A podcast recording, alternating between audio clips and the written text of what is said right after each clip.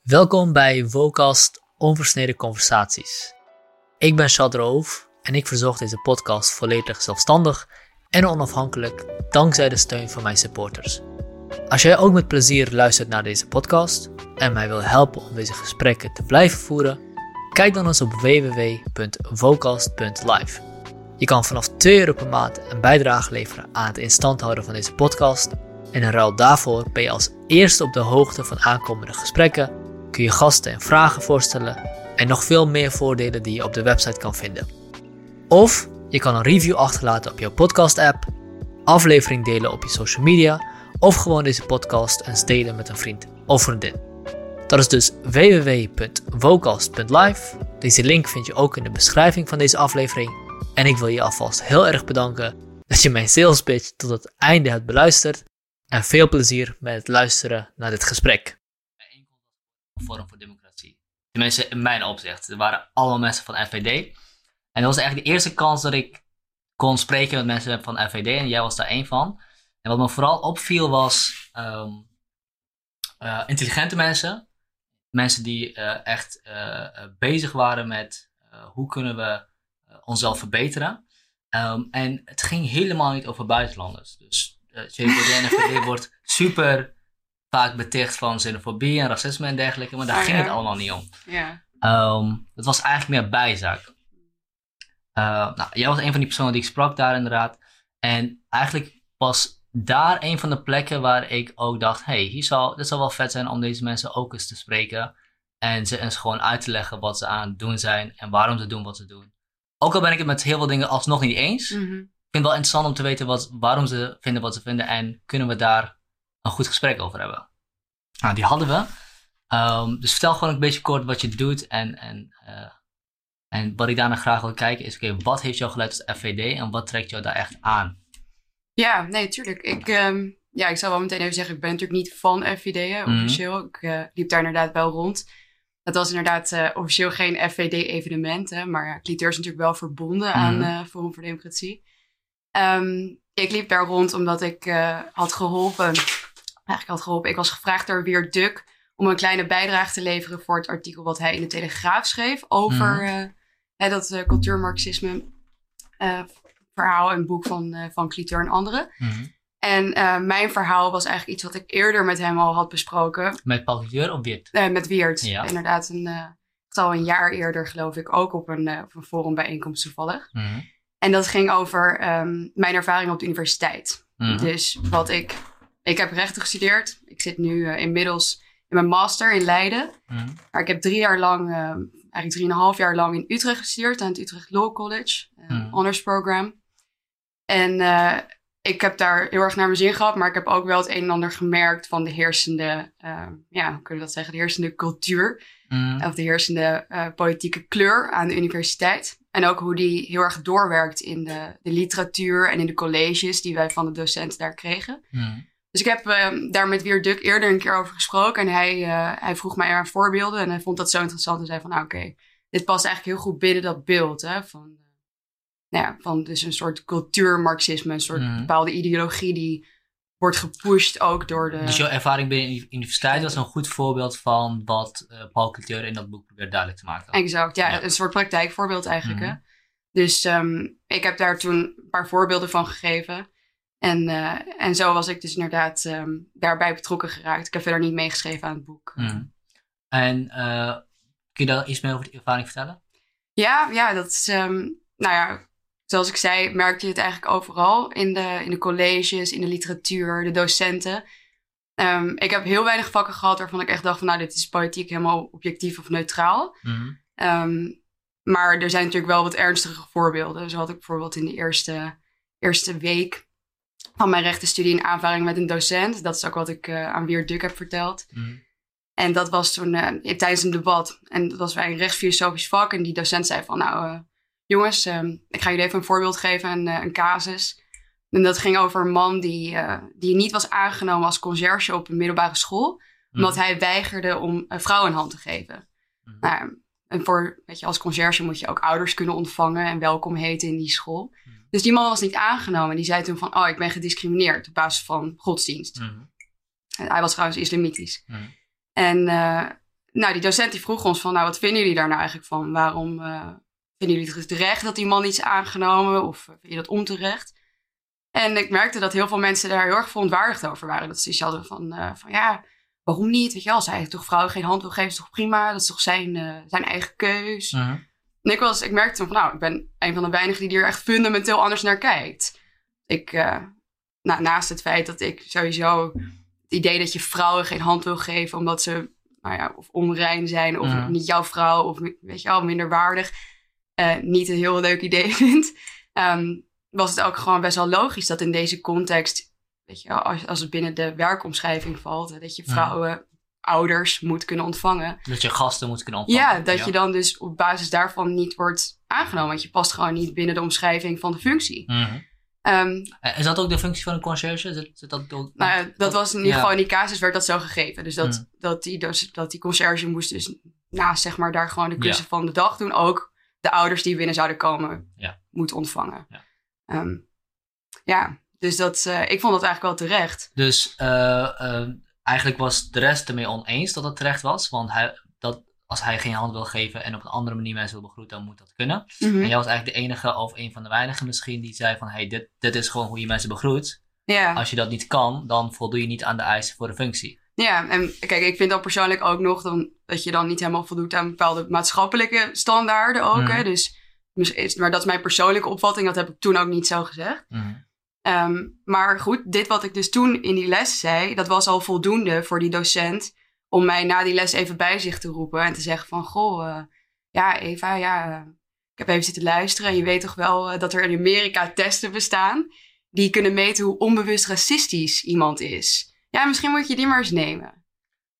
En eh, nou, ik wist echt niet wat me overkwam. Het was echt de eerste week, tweede week van mijn rechtenstudie. Mhm. En ik dacht eigenlijk dat ik gewoon, ja, weet je, dat ik Dus niet iets heel raars had gezegd of zo. Er werd Dus- je al gevraagd om een implicit bias test te nemen. Ja, Omdat jouw argument was, die persoon voldoet niet aan de eisen zoals die weergegeven worden in de casus. ja, Ja. Oké. ja. Dus Eh. ehm, ja, dat was een beetje hoe de toon werd gezet voor mij Mhm. bij die, eh, bij die studie. En ik heb dus zo kan ik nog wel wat meer voorbeelden noemen, maar dat, ja, dat is niet één keer voorgekomen. Dat was geen, eh, geen alleenstaand geval, zeg maar. En heb je dat ook gedaan, die implicit bias test? Nee. nee, ja, ik, eh, sorry, maar ik laat me niet zoiets aanpraten dat ik op basis van zo'n zo'n overtuiging of zo'n argumentatie moet gaan testen of ik Onwetend racistisch bent. onbewust racistisch Ja. ben. Ik hoorde trouwens ook weer dat die testen allemaal niet schijnen te werken en dat er ook inhoudelijk zeg maar aanmerkingen op, eh, zijn. Maar nee, ja, zo'n zo'n verwijt ga ik natuurlijk niet in. Nee. nee. Oké, cool. En, ehm de, eh, want ik hoorde het wel vaker over de universiteit als linksbolwerk. En het, een paar jaar geleden hoorde ik het voor het eerst.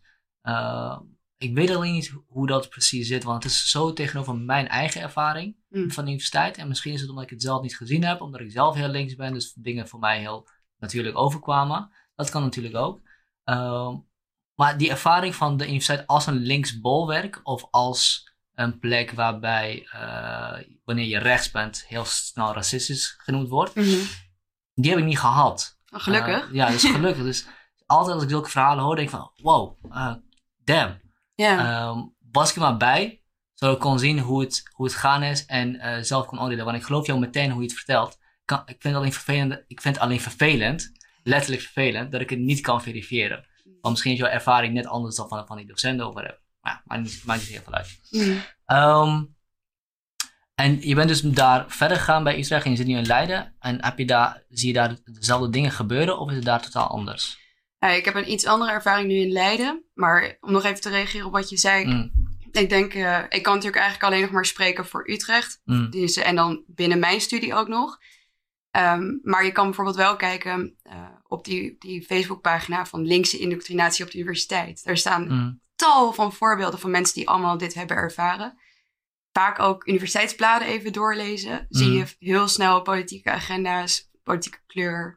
Eh, het feit dat eh, bijvoorbeeld nu op heel veel universiteiten genderneutrale wc's allemaal doodnormaal zijn. Mm. Ehm, dat bepaalde mensen niet worden uitgenodigd op universiteiten. Dat zijn allemaal Mm. voorbeelden die, ook al als je er zelf geen persoonlijke ervaring mee hebt, Ja. je wel soort van als ehm, teken kan zien dat er een bepaalde ideologie heerst Ja, aan de Nederlandse ja, universiteiten. eens. Ik denk wel dat dat echt zo is. Ja, eens. Daar ben, ik, daar ben ik het wel mee eens. Het feit dat er bepaalde mensen niet uitgenodigd worden, niet omdat ze niks te zeggen hebben, maar omdat het fout is wat ze te zeggen, hebben. Mhm. Dat zegt heel veel inderdaad. Ja. Ehm, alhoewel ik niet weet of dat de overwegende trend is. Eh, je, ziet het wel gebeuren, eh, Mhm. maar er is ook een trend van mensen die, die wel gewoon controversiële mensen uitnodigen.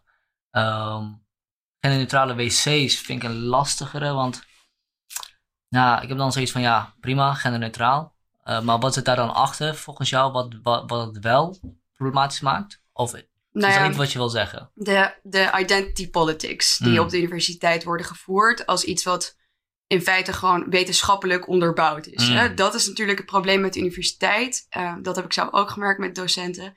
Is dat dit zijn mensen die natuurlijk in de hiërarchie eigenlijk boven jou staan. Mhm. Ehm, ook al wordt dat heel vaak een beetje zo onder het tapijt geschoven, maar het is natuurlijk wel zo. Ze kijken jouw papers na en ze Mm. beoordelen je tentamens. En dit zijn mensen die, ehm, die dan vaak zeggen van ja, maar wat, wat wij hier doen is een wetenschappelijke tegenhanger bieden van het hegemonisch geluid. Mm. Dus dat is bijvoorbeeld iets wat ik ook in mijn persoonlijke eh, academische carrière wel eens gehoord heb van een docent. Van ja, ja wat jij zegt, dat, dat kan wel wel, maar dat is echt dat is de hegemonie. Hè? Dus Mhm. mooi woord voor gewoon populistisch rechts. En eh, wat wij hier doen is juist eh, een wetenschappelijke tegenhanger. Mhm. En dat is dan neutraal. Ja. Dus als dat het uitgangspunt is, van wat wij doen is neutraal, wetenschappelijk en wat jij zegt is mening, ja, Mhm. dan heb je niet zo heel veel meer. Dan kun je heel weinig doen Ja, inderdaad. dan kom je er niet meer tussen. En daar, dat, herken ik me zeker, dat herken ik zeker wel. Eh. Zeker al dat, zeker bij mijn opleiding, filosofie, waarin veel mensen de academie of academische activiteit Mhm. beschouwen als een vorm van activisme. Of als een vorm van Ja. eh, opstaan tegen patriarchaat of whatever, wat voor naam je er ook aan wil geven. Ehm, we hebben in een eerder gesprek ook gehad over de wetenschappelijkheid van identity politics en, en gender politics. En ehm, jij gaf aan dat dat eigenlijk allemaal gebaseerd is op, eh, op één onderzoek, toch? Ja, ja, we hebben het daar inderdaad over gehad. Ik Ja. was toen bezig met een, eh, met een essay inderdaad over gender. Mhm. Eh, of eigenlijk, eh, ja, ja, toch wel over gender. Dus over dat hele, die theorie en ook hoe dat invloed heeft op dus de spraak. Jordan Mhm. Peterson heb ik daarbij ook aangehaald als voorbeeld. Ehm, dus inderdaad, wat je ziet is dat ideeën, die, dat onderscheid tussen aan de ene kant seksen, dus je biologische geslacht als het ware, en gender. Mhm. Dus iets wat een, een sociaal construct zou zijn of een cultureel construct. Dat, dat idee is als het ware gebaseerd op een wetenschappelijk experiment uit de jaren 60. Ehm, John Money was de Mhm. wetenschapper. En dat was inderdaad dat gruwelijke verhaal van een jongetje. ehm, tweelingbroers waren dat eigenlijk. Eén jongetje werd besneden, maar die besnijdenis ging fout. Mhm. Dus hij was als het ware eigenlijk verminkt. En toen heeft die man gezegd van nou, wat we dan het beste zouden kunnen doen. Omdat hij toch al niet echt meer een werkend geslachtsdeel heeft nu Mhm. om ehm, deze jongen op te voeden als een meisje. Mhm. Want ja, gender is toch maar een sociaal construct. Dus Ja. als je dan een kind, dat weliswaar biologisch als man geboren is, opvoedt op een bepaalde manier Mhm. als vrouw, dan gaat hij zich ook zo identificeren. Ja. En dat heeft uiteindelijk, nou, die, die man, ehm, ja, die dus als, als meisje eigenlijk zijn jeugd doorgebracht heeft, Mhm. die heeft allerlei eh, psychische problemen ontwikkeld. Merkte dat dat, dat jongetje dus altijd eh, greep naar, naar jongens speelgoed in plaats van naar meisjes speelgoed. Geen jurken aan wilde die zij dus eh, aan zou moeten doen. En eh, nou ja, dat dat dus voor enorme psychische verwarring heeft gezorgd bij dat kind. En dat uiteindelijk dus dat ook is teruggedraaid. Want zij werd op een gegeven moment ook suicidaal. Mhm. Brenda. En ze zei van, nou, als ik nog een keer terug moet naar die John Money, naar die dokter, dan maak ik er een eind aan. Toen zijn die ouders, die hebben zich toen geroepen gevoeld om dus de waarheid te vertellen. Dus ehm, Tegen ja, hem. tegen hem. Ja. Ja. Ja, ja. dus hij heeft toen op zijn eh, veertiende heeft hij dus gehoord dat hij eigenlijk als jongen geboren was. Mhm. Niet als meisje. En, eh, en daarna is ook de transitie terug naar zijn originele geslacht, zeg maar, is in gang gezet. Hij is getrouwd geweest, kinderen. Ehm, volgens mij niet zijn eigen biologische kinderen uiteindelijk dus, maar wel eh, ja, gewoon als man door het leven gegaan weer. Ja. Maar uiteindelijk heb- heeft toch de, de psychische problemen zijn tol gehad. En eh, deze De man, problemen eh, die hij in zijn jeugd, Ja. die opgevoed werd als meisje, opgelopen heeft. Ja, ja, misschien zijn er ook nog andere factoren geweest. Maar in ieder geval heeft deze man het uiteindelijk niet overleefd. En heeft hij op 38-jarige leeftijd alsnog zelfmoord gepleegd. Mhm. Ehm, nou, kan je in mijn ogen niet echt een succesvol experiment noemen. Nee. En dat, nou ja, dus dat idee, hè, dat, dat, dat gender dus een sociaal construct alleen maar zou zijn, daar Mhm. zijn ze dan ook wel weer een beetje op teruggekomen. Dus dan wordt er gezegd van ja, oké, Even nog één vraag tussendoor. Hoe wordt het onderzoek gebruikt? Hoe is het onderzoek gebruikt om eh, te pleiten voor sociaal constructivisme? Want als je het nu vertelt, is het eh, Ja. is een argument tegen. Dus hoe is dat? nou ja, ooit? de, de scheiding tussen seks en gender wordt nu gewoon geaccepteerd als eentje die helemaal normaal is. Hmm, Dus het idee, weet je, dat, dat, zo ken jij dat waarschijnlijk ook. We zien ook overal gender studies. Dus ehm, het idee dat, dat, dat er dat geslacht, of eigenlijk dus je gender, dat dat iets is wat jij of zelf bepaalt, of ehm, inderdaad dus de, de, de society om jou heen voor jou bepaalt. Dat is iets wat inmiddels gewoon geaccepteerd is. Ja, de, de, de scheiding tussen seks en gender is nu eentje geworden die volledig los staat van elkaar. Ja, en het, is, en het is ook normaal. En ook wetenschappelijk, zeg maar. Ja, je ziet het tussen gender studies en zo. Dat wordt allemaal gewoon geaccepteerd en worden niet heel veel vraagtekens bijgesteld. Hmm, Dus in die zin zou je dat zou je kunnen zeggen van ja, het is niet iets wat toen verdwenen is of zo. En Mhm. zoals ik al wilde zeggen, zijn er dus wel andere interpretaties nog bijgekomen, zoals van Judith Butler, hmm, die dan zegt van ja, oké, het is inderdaad niet misschien helemaal een sociaal construct, maar je hebt ook nog de eigen identiteit erbij. Dus dat je zelf bepaalt, zelf ervaart het beste wat jouw geslacht is, of je gender dus. hmm. Nou ja. En wat, wat betekent dat? Dat je zelf het beste ervaart wat jouw gender is? ja, dus dat het eigenlijk meer gaat om hoe jij je voelt. Ja. Dus dat, ja, we zien dat nu, hebben we allerlei grappige voorbeelden van gezien. Die Nederlandse man, hoe heet hij ook weer? Die nu net zei van, oh, ik ben eigenlijk 69, maar ik voel me Oh, ja. 49. Eh, Emiel. Emiel Dank je. Ja, Ja. ja. Ja, precies. Dus dat is, dat is in het verlengde daarvan. Ik wil niet zeggen dat dat hetzelfde is, Mhm. Maar het idee dat, De vraag is, als je je gender kan bepalen, waarom kun je niet je leeftijd bepalen? ja, waarom kan je niet... Er zijn ook mensen die zeggen, ik voel me kat soms, Mm. weet je wel. Dus, ehm, en dat is natuurlijk wel... Ik wil niet zeggen dat het allemaal hetzelfde is, maar het is wel een ontwikkeling die volgens mij gewoon steeds meer geaccepteerd wordt. Mm. Dus dat jouw eigen gevoel leidend is. Ja. Ja. Het lijkt er een beetje eh, op, de, op, de, op de. Het lijkt er een beetje op alsof het steeds meer geaccepteerd wordt dat jouw individuele voorkeuren voor wat je wil zijn, Mm. leidend zijn voor wat, wat je bent. Ja, leidend zijn voor wat je bent. En Hoe anderen, zou- En hoe anderen je moeten, moeten behandelen. dat is waar voor mij het problematisch wordt. Dus Ja. ik wil niet per definitie zeggen dat iemand die zeg maar, zich anders voelt dan wat zijn biologisch geslacht is, dat die persoon helemaal onjuist is of dat dat Mm. niet mag of zo. Hè? Begrijp me niet verkeerd. Mhm. Maar ehm, waar ik wel pro- problemen mee heb, en dat, dat zie je bijvoorbeeld mooi terug in het verhaal van Jordan Peterson, Hmm. is dat die perceptie, die persoonlijke perceptie, leidend wordt. En dat als de maatschappij of de buitenwereld zich daar niet aan aanpast, Mhm. dat, je, dat die persoon die zich niet aanpast daaraan dus dan fout is. Dus als ja, Jordan Peterson dus bijvoorbeeld weigert om eh, een bepaald pronoun, een preferred pronoun te Mhm. gebruiken, dan, eh, ja, dan is dat meteen respectloos. Of, of inderdaad krijg je dus allemaal verwijten naar je hand. Ja. Ja. Ja, precies. En dat zijn toch dingen waarvan ik denk van ja, maar je vereist hier van iemand dat hij zijn A, een bepaald idee accepteert als waar. Mhm. En dan ook nog eens zijn taalgebruik daardoor, daarvoor moet aanpassen. Dus Mhm. je, ja, je, je vraagt eigenlijk om een soort forcering van taalgebruik. Met Mhm. best wel vergaande gevolgen. Ja. Om even daar voor, voor, voor de andere kant te spreken. ehm, je vraagt om de, inderdaad iemand een idee te accepteren als waar, waar hij niet achter staat. En als hij dat niet doet, dan bestempel je hem als een demon of whatever. Ehm, het lastige aan de trans, transgender discussie of de verschillende soorten genders discussie is dat het alleen maar waar kan zijn als andere mensen het accepteren. Dus je Mm. kan eigenlijk alleen maar je ze, ze of whatever preferred pronoun hebben als men andere mensen accepteren om je op die manier aan te spreken. Dus het is in, in principe is het al, eh, dus, dus het, in, in principe is het een, een vraag aan anderen om je op een bepaalde manier te behandelen. Ehm, ik weet niet zo goed wat ik daarvan moet denken. Ja, nou ja, je kan je, kan je natuurlijk afvragen in termen van, van Tocqueville bijvoorbeeld. Hè, de Mhm. vrijheid en de gelijkheid. Hm? Dus als mensen ehm, vrij willen zijn om zich op een bepaalde manier te identificeren. Hm? Ehm, je kan dan zeggen van nou oké, dat is jouw goed recht. Weet je, als het niemand schaadt, heel liberaal idee. Mhm. Ehm, je mag voor mij alles doen zolang je niet andere mensen daarmee Ja. heel erg in de weg zit of eh, geweld aandoet of zo. Nou, dat is een bepaalde vrijheid die volgens mij hier in Nederland gewoon iedereen heeft. Dus ni- niemand gaat jou in een gekkenhuis stoppen als jij zegt van nou, ik, ik voel me dit of ik voel me dat. Maakt niet uit wat je, ook al zeg je ik ben een kat. Nog, Mhm. weet je. Je wordt Ja. hier niet van de straat gehaald van nee, jij gaat naar het gevangen.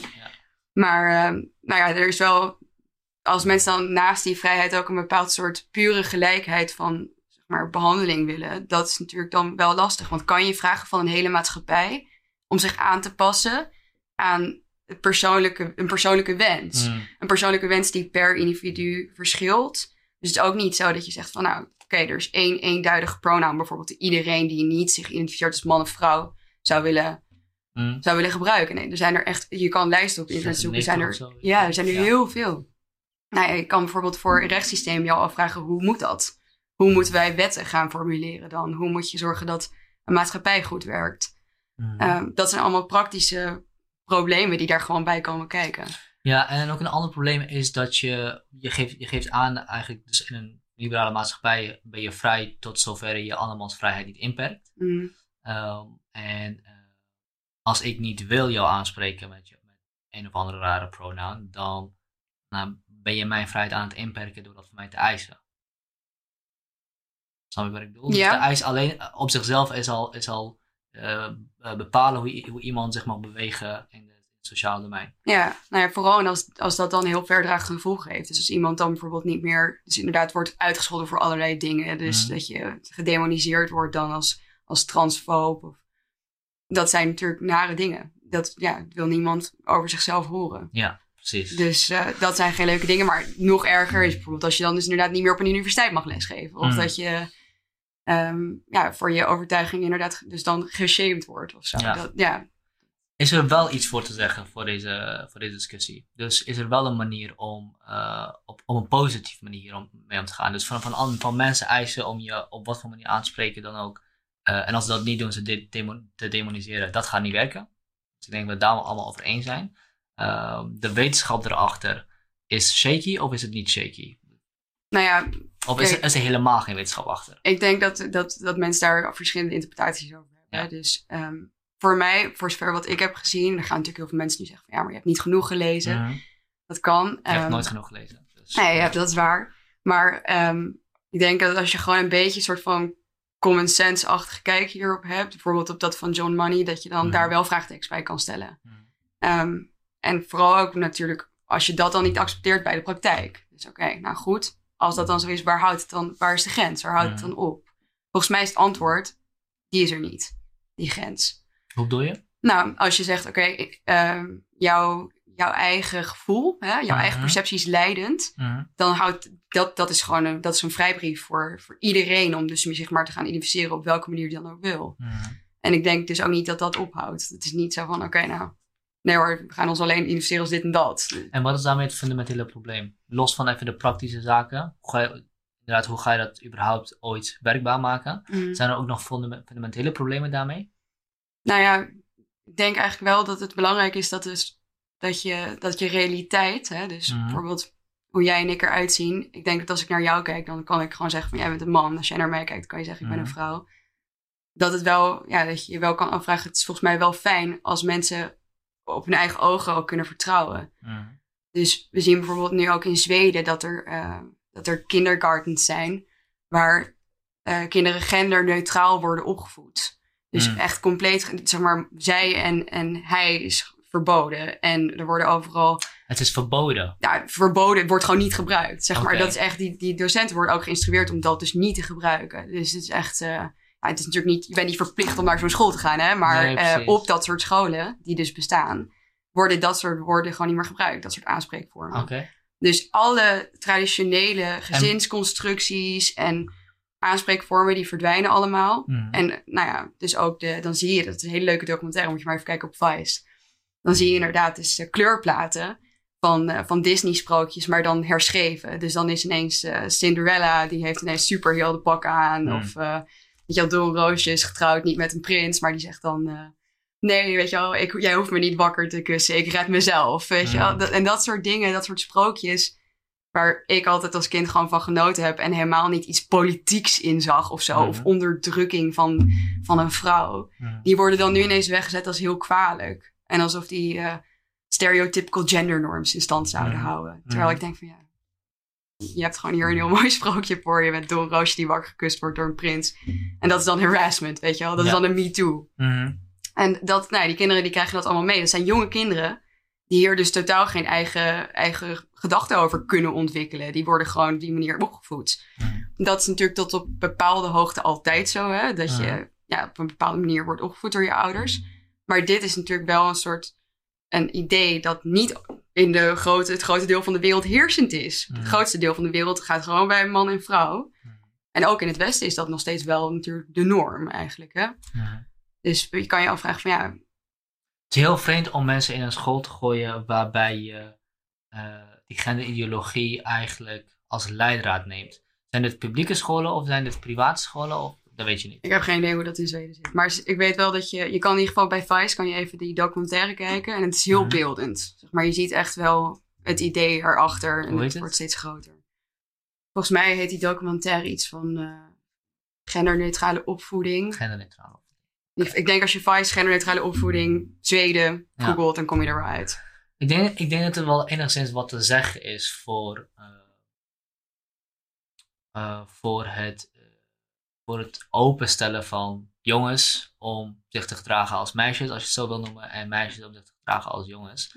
Eh, alleen de vraag is of je dat op die manier moet doen dat je dat eh, eigenlijk bevordert. Dat als een jongen zich gaat gedragen als een normale jongen, dat dat problematisch is, want hij valt in stereotype genderrollen en hij moet, hij moet hij moet het volledige brede scala aan, aan mogelijkheden doorgaan. En als meisje moet ze het brede scala aan mogelijkheden doorgaan. ja, en eh, misschien als ze oud genoeg is, mag ze zelf beslissen. Of de huisvrouw wil worden of een CEO. ja. Eh, ja, oké. Ehm, mijn andere vraag is, eh, is dus... is, er, e- zie, is, is er een heil in die discussie? Dus worden er wel dingen... is er iets in die discussie wat, wat, wat waardevol is om vast te houden? Nou ja, kijk, ik ben in principe natuurlijk voor eigen ont- ontwikkeling Mm. en eigen vrije, vrije keuze om je, om je pad te begaan zoals jij, of de fouten te maken of weet je wel, die jij moet maken. Dus Mhm. ik, ik zou dat natuurlijk niet tegenwerken. Dus Ja. iedereen heeft volgens mij gewoon, nou ik wil niet zeggen het recht, maar ehm, iedereen zou zich natuurlijk moeten kunnen ontwikkelen tot de mens die die, is. Mhm. Ehm, maar inderdaad, dit soort haast propaganda. Hè? Dus Mhm. dat het, en ook de, de, de andere zijde van de medaille. Dus dat mensen die gewoon zeggen van ja, nee, ik ben gewoon man. Eh, en ik vind bepaalde hele mannelijke eigenschappen daarbij horen of leuk. Gewoon bier drinken, motoren en bikini vrouwen kijken. Nou ja, en dat dat dan, weet je wel, automatisch fout is. Of Ja. dat er dan wordt gesproken over toxic masculinity. Mm. Nou ja, dat zijn dingen waar ik dan niet zo... Ja, kun je dat even uitleggen? Wat is toxic mas- masculinity? nou, iets wat volgens mij niet echt bestaat. Oké. nee, ja, ik vind, dat, eh, ik vind dat een term waarvan ik denk, ja, hou op. Ehm, er zijn heus wel mannen die toxic gedrag vertonen. Mm. Maar eh, als je het hebt over toxic masculinity, ja, dan volgens mij bestaat er dan ook toxic femininity. Mm. Of, eh, en ik wil eigenlijk niet echt graag in dat soort termen denken. Oké. Dus het idee dat mannen. nou, ik denk dat er, dat er heel veel feministen zijn die dit heel anders zullen uitleggen. Mm. Maar het idee dat, man, dat bepaald mannelijk gedrag per definitie giftig is, of inderdaad dus heel patriarchaal zou zijn en onderdrukkend voor vrouwen, ehm, ja, daar geloof ik eigenlijk niet zo in.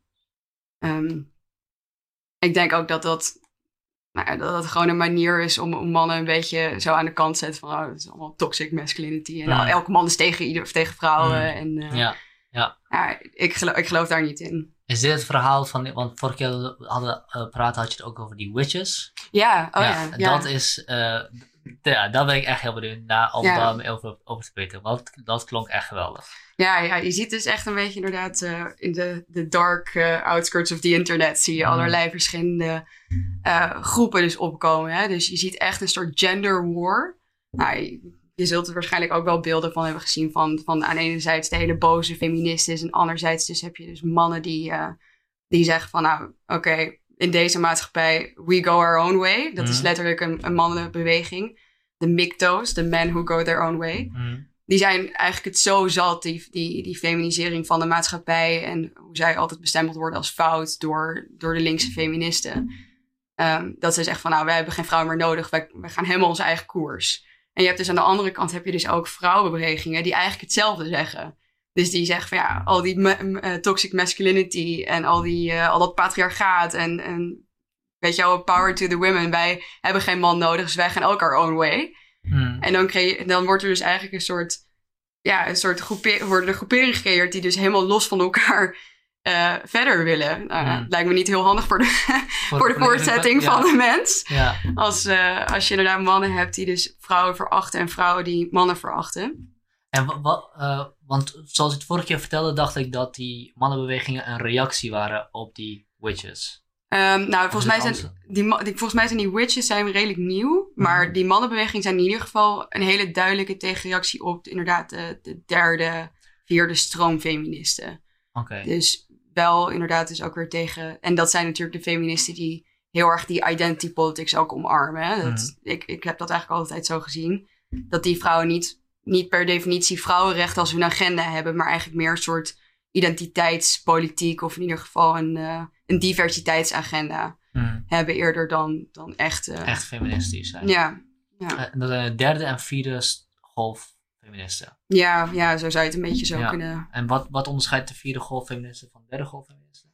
Nou, volgens mij, ik weet ook niet precies hoor, want er zijn er een heleboel. Hmm. Eh, maar volgens mij is het inderdaad zo dat die vrouwen. Het wordt eigenlijk steeds meer. Het gaat eigenlijk bijna steeds meer af van, van een echte vrouwenagenda. Het wordt steeds breder. Dus je ziet steeds meer eh, argumenten die eigenlijk meer gaat inderdaad over die diversiteit. En over de LGBTQI community Mm. en dergelijke. En, en nou ja, het is eigenlijk een heel, heel ander soort agenda dan wat je misschien bij de eerste golf feministen die dus zoiets hadden van wij strijden voor, voor kiesrecht, et cetera. Hmm. Dat, is, dat lijkt niet eens meer op elkaar. Het is echt, ik, zie, ik zie een heel soort ander soort vrouw als je, als je daar naar kijkt. Hele andere, hele andere overtuiging, hele andere agenda's.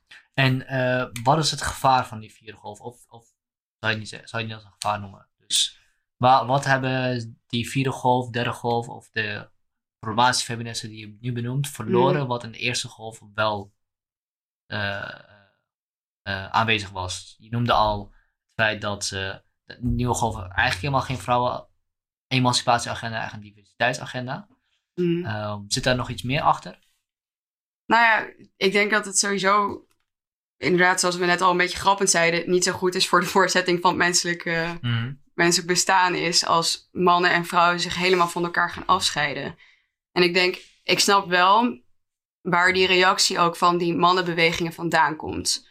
Dus ehm, ik denk dat we En allemaal... trouwens, even, je zegt dark outskirts van het internet, dan denk ik echt gewoon aan 4chan en Paul en B en dat soort, dat soort outskirts. Of bedoel je iets Oh, anders? nou, je kan ook gewoon, volgens mij heeft Vice en zo en BuzzFeed hebben ook genoeg van dit soort, eh, dit soort verhalen. Ehm, maar die, ja, dat wordt eigenlijk heel erg genormaliseerd ook. Hè? Dus dat soort, die, die hele, ja, bijna militante vrouwenagenda. Hmm. Dus inderdaad de slutwalks en, eh, De wat? ja, oh, google het maar een keer. Er Nou, zijn ik, ik stond de slut. slutwalks, ja, slutmarches en zo, dat, dat heb je allemaal. Dat is, dat is dan in Amerika meer hoor dan hier. Ja. Eh, maar daar heb je inderdaad dus eh, hele groepen vrouwen die echt half naakt over straat gaan en dan zeggen van ja, je kan mij alles noemen wat je wil, slut, dit of dat. eh, Hmm. maar ik, of die dat eigenlijk soort van bijna gaan, gaan accepteren. Dus is een soort geuzennaam dan zeggen van Mm. oké, ja, wij zijn, wij zijn dat en we're proud of it. Ja. En nou ja, ik, ik kan me niet voorstellen dat dat echt heel veel te maken heeft met echte, echte problemen waar heel veel vrouwen in, rest, in de andere delen van de wereld bijvoorbeeld echt nog steeds mee te kampen hebben. Die vrouwen die gaan dan de straat op, schreeuwen over hoe Trump en zo allemaal heel ernstig is, maar die, die hoor je geen seconde spreken over eh, zo'n Asia Bibi bijvoorbeeld. Hmm. En dat is denk ik mijn, mijn grootste probleem met, met die, eh, die feministen. Het feit dat ze, ja. Ja, dus dat ze, dat ze dus heel erg, vooral in mijn ogen, heel erg anti-man zijn. Hmm. En ehm, heel veel schreeuwen dus over problemen van ik denk van ja, waar ik, ik in ieder geval me niet in kan vinden. Hmm. En dat dan ook nog eens heel selectief doen. Dus dan daar wel over praten. En Trump bijvoorbeeld echt heel erg verschrikkelijk vinden. En het ergste wat de vrouw ooit is over- is overkomen. Maar dan inderdaad is over echt hele grove vrouwenrechten schendingen. Bijvoorbeeld in het Midden-Oosten of in Afrika. Daar blijft ze stil over. Hmm. Nou ja, En dat is eigenlijk waar de echte vrouwenrechten geschonden. Nou ja, ik, je zou in ieder geval kunnen zeggen dat zijn volgens mij wat, wat kernachtige mensenrechten inderdaad Ja. die daar worden, worden geschonden. Dat Ja. is wel wat anders, denk ik, dan, eh, de, ja, dan wat, je, wat je kan zeggen van, eh, van Trump of zo bijvoorbeeld. Ja. Mhm, mhm.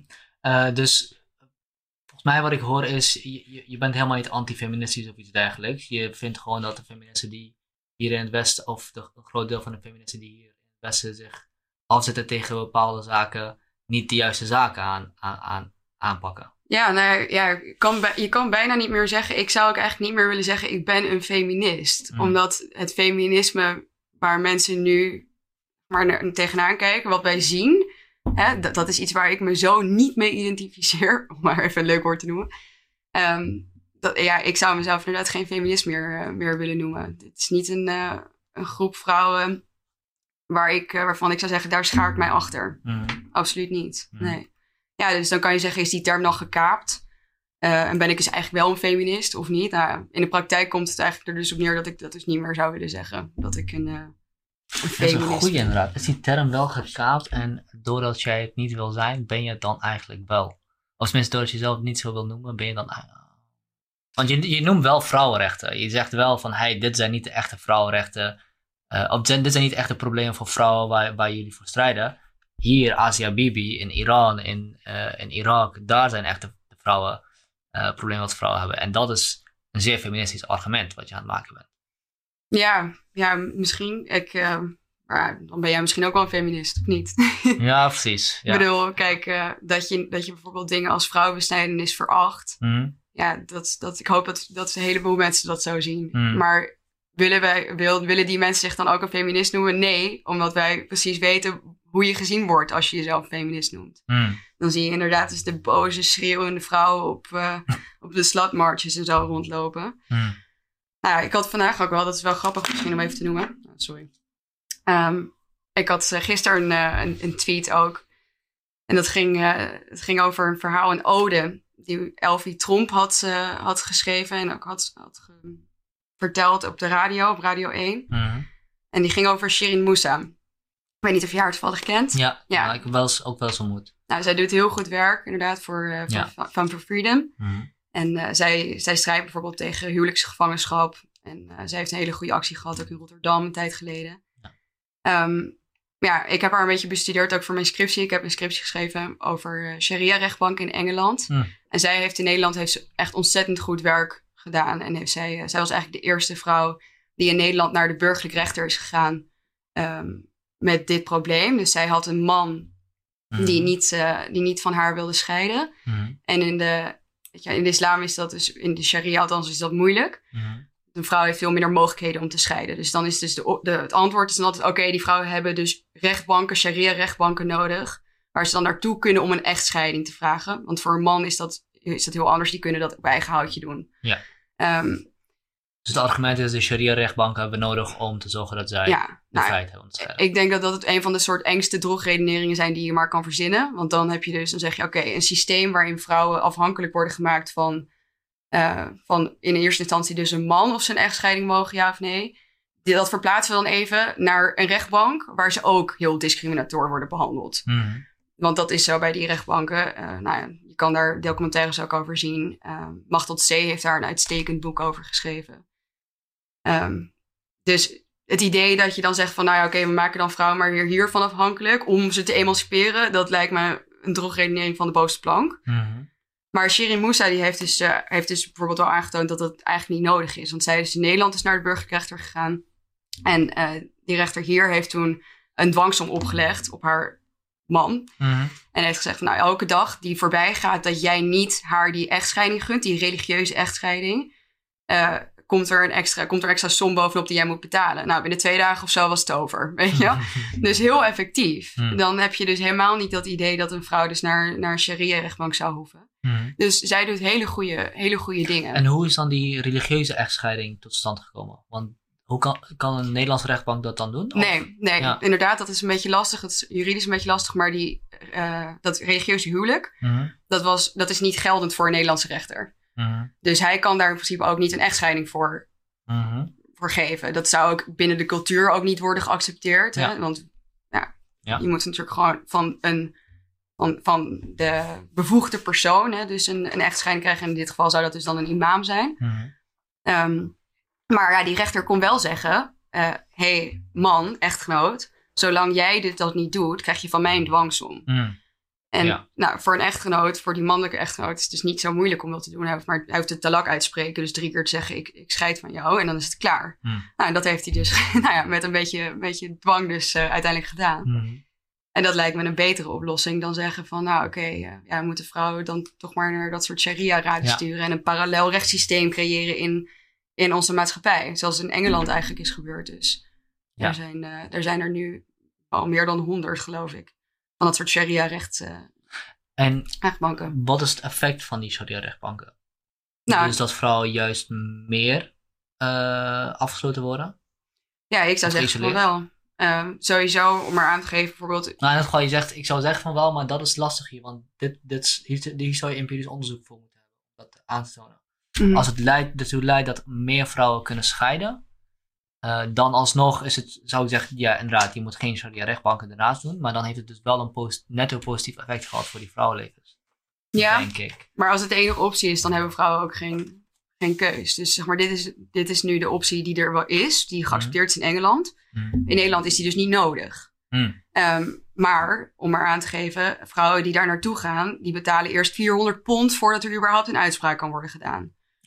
Eh, of je die echtscheiding nou krijgt, ja of nee. Ja. Nou, dat is al stap nummer één, waar je zou kunnen zeggen, is niet heel erg oké. Mhm. Is Mhm. vrij, is, weet je wel, vrij Ja, naar. Het is Als ook je een die one 400, 400 pond niet kan krijgen, dan kun je er ook niet heen dus. ja, kan je er niet heen. En dan vervolgens word je daar, nou, er zijn dus documentaires over, undercover documentaires, wordt zo'n vrouw daar blootgesteld aan vragen waarvan je denkt, hoezo dan? Dus dan wordt er bijvoorbeeld, die BBC heeft hier een hele goede documentaire over gemaakt. Dan zie je een vrouw die wordt gevraagd van, eh, oh, oké, maar heb je wel, kook je wel goed voor hem? Mm. Voor je man? Eh, heeft hij eigenlijk wel, ben je wel een goede vrouw voor hem? Want weet je, zij zei van, ja, mijn man die slaat mij. Mhm. Maar ja, doe jij dan niet slechte dingen waardoor jouw man jou inderdaad mag slaan? Mm. Nou, dat, dat soort vragen, die, die worden dus gesteld aan vrouwen die daar komen voor een echtscheiding. Ik kan me niet voorstellen dat je dat als een, een echte goede oplossing kan aandragen voor zo'n probleem. Ja.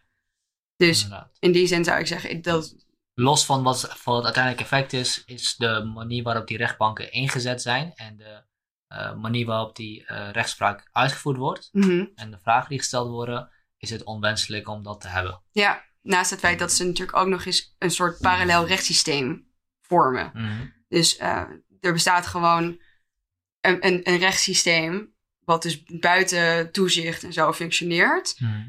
binnen een andere staat, binnen een rechtsstaat waar gewoon zeg maar, de nationale wet geldt. Ja. Nou, dat zorgt voor rechtsonzekerheid. En kun je daar iets meer uitleggen hoe dat precies zit? Wat het probleem daarmee is? Ja, dat is wel heel technisch-juridisch Ja. allemaal. Maar je kan je natuurlijk in feite gewoon voorstellen dat er in een bepaalde natiestaat Mhm. wetten gelden voor Mhm. iedereen in die staat. Mhm.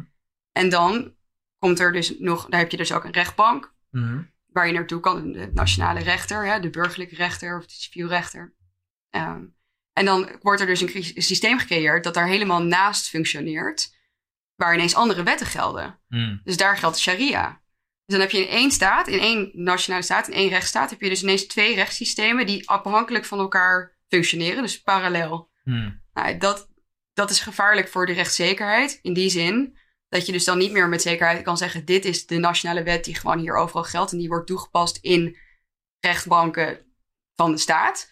Nee, we hebben ook nog andere en daar gebeuren hele andere dingen. En daar worden dus bepaalde conflicten op een hele andere wijze opgelost, die misschien wel strijdig zou zijn Mhm. met de nationale wet. Ja, dat, dat is inderdaad de vraag die ik wel stelde. Kun je dat probleem van rechtsonzekerheid niet oplossen door te zorgen dat er geen conflict kan zijn met die parallele rechtspraak en de algemene rechtspraak? Ik ben bang dat dat moeilijk wordt als je de sharia naast, de, naast de, onze grondwet bijvoorbeeld zou Hmm. houden. Ik denk niet Ja. dat, het, eh, dat je daar heel veel, eh, ja, dat er heel veel aan elkaar te lassen valt, zeg Oké. maar. Oké. Je had over Shiri Moussa voor ik. eh, voordat ik- Ja, ja. we draaien helemaal af. Inderdaad, even een ex-koers over haar werk en hoe ze dus eh, hele, hele belangrijke dingen dus doet voor, eh, voor vrouwen in, in huwelijksgevangenschap. Ehm, In Nederland? Of, of Ja, in Nederland. Ja. Ehm, ze zal vast ook internationaal project doen, maar in ieder geval in Nederland. En daar, heeft zij, daar wordt ze ook voor, nou ja, voor geprezen door veel Mhm. mensen. Dus zo ook bijvoorbeeld gisteren door eh Elfie Tromp. Eh, zij had op Radio 1 had ze een, eh, een ode gegeven aan, eh, aan Shirin Moussa. En een van de eerste dingen die ze zei was... Ja, Shirin die dus wel daadwerkelijk vrouwen helpt anders dan Ayaan Hirsi Mhm. dat was ongeveer een van de eerste dingen die ze zei.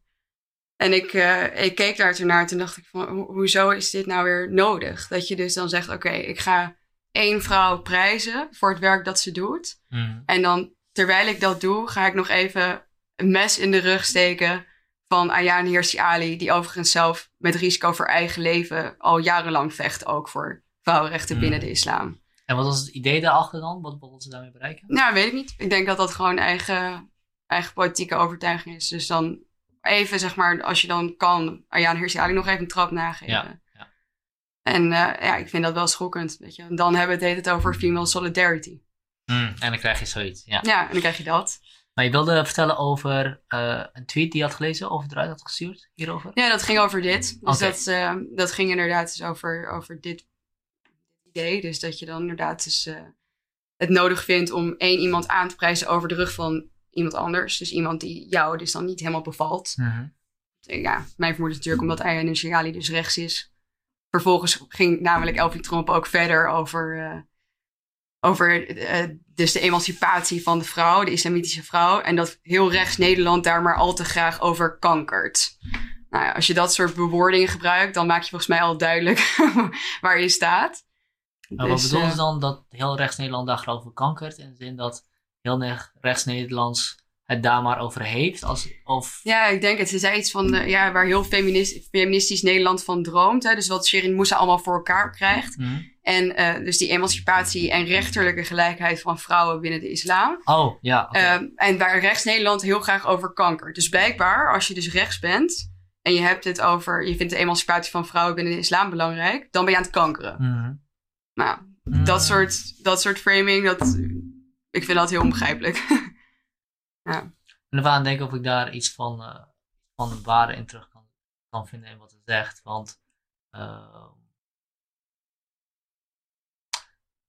ja, ik vind het lastig om te zeggen rechts Nederland. Want dan vind ik, maar, links Nederlands doet dit en rechts Nederlands doet dit is altijd een problematische stelling. Eh, maar het lijkt wel zo te zijn dat veel mensen op dit moment eh, de problemen binnen de islam aankaarten.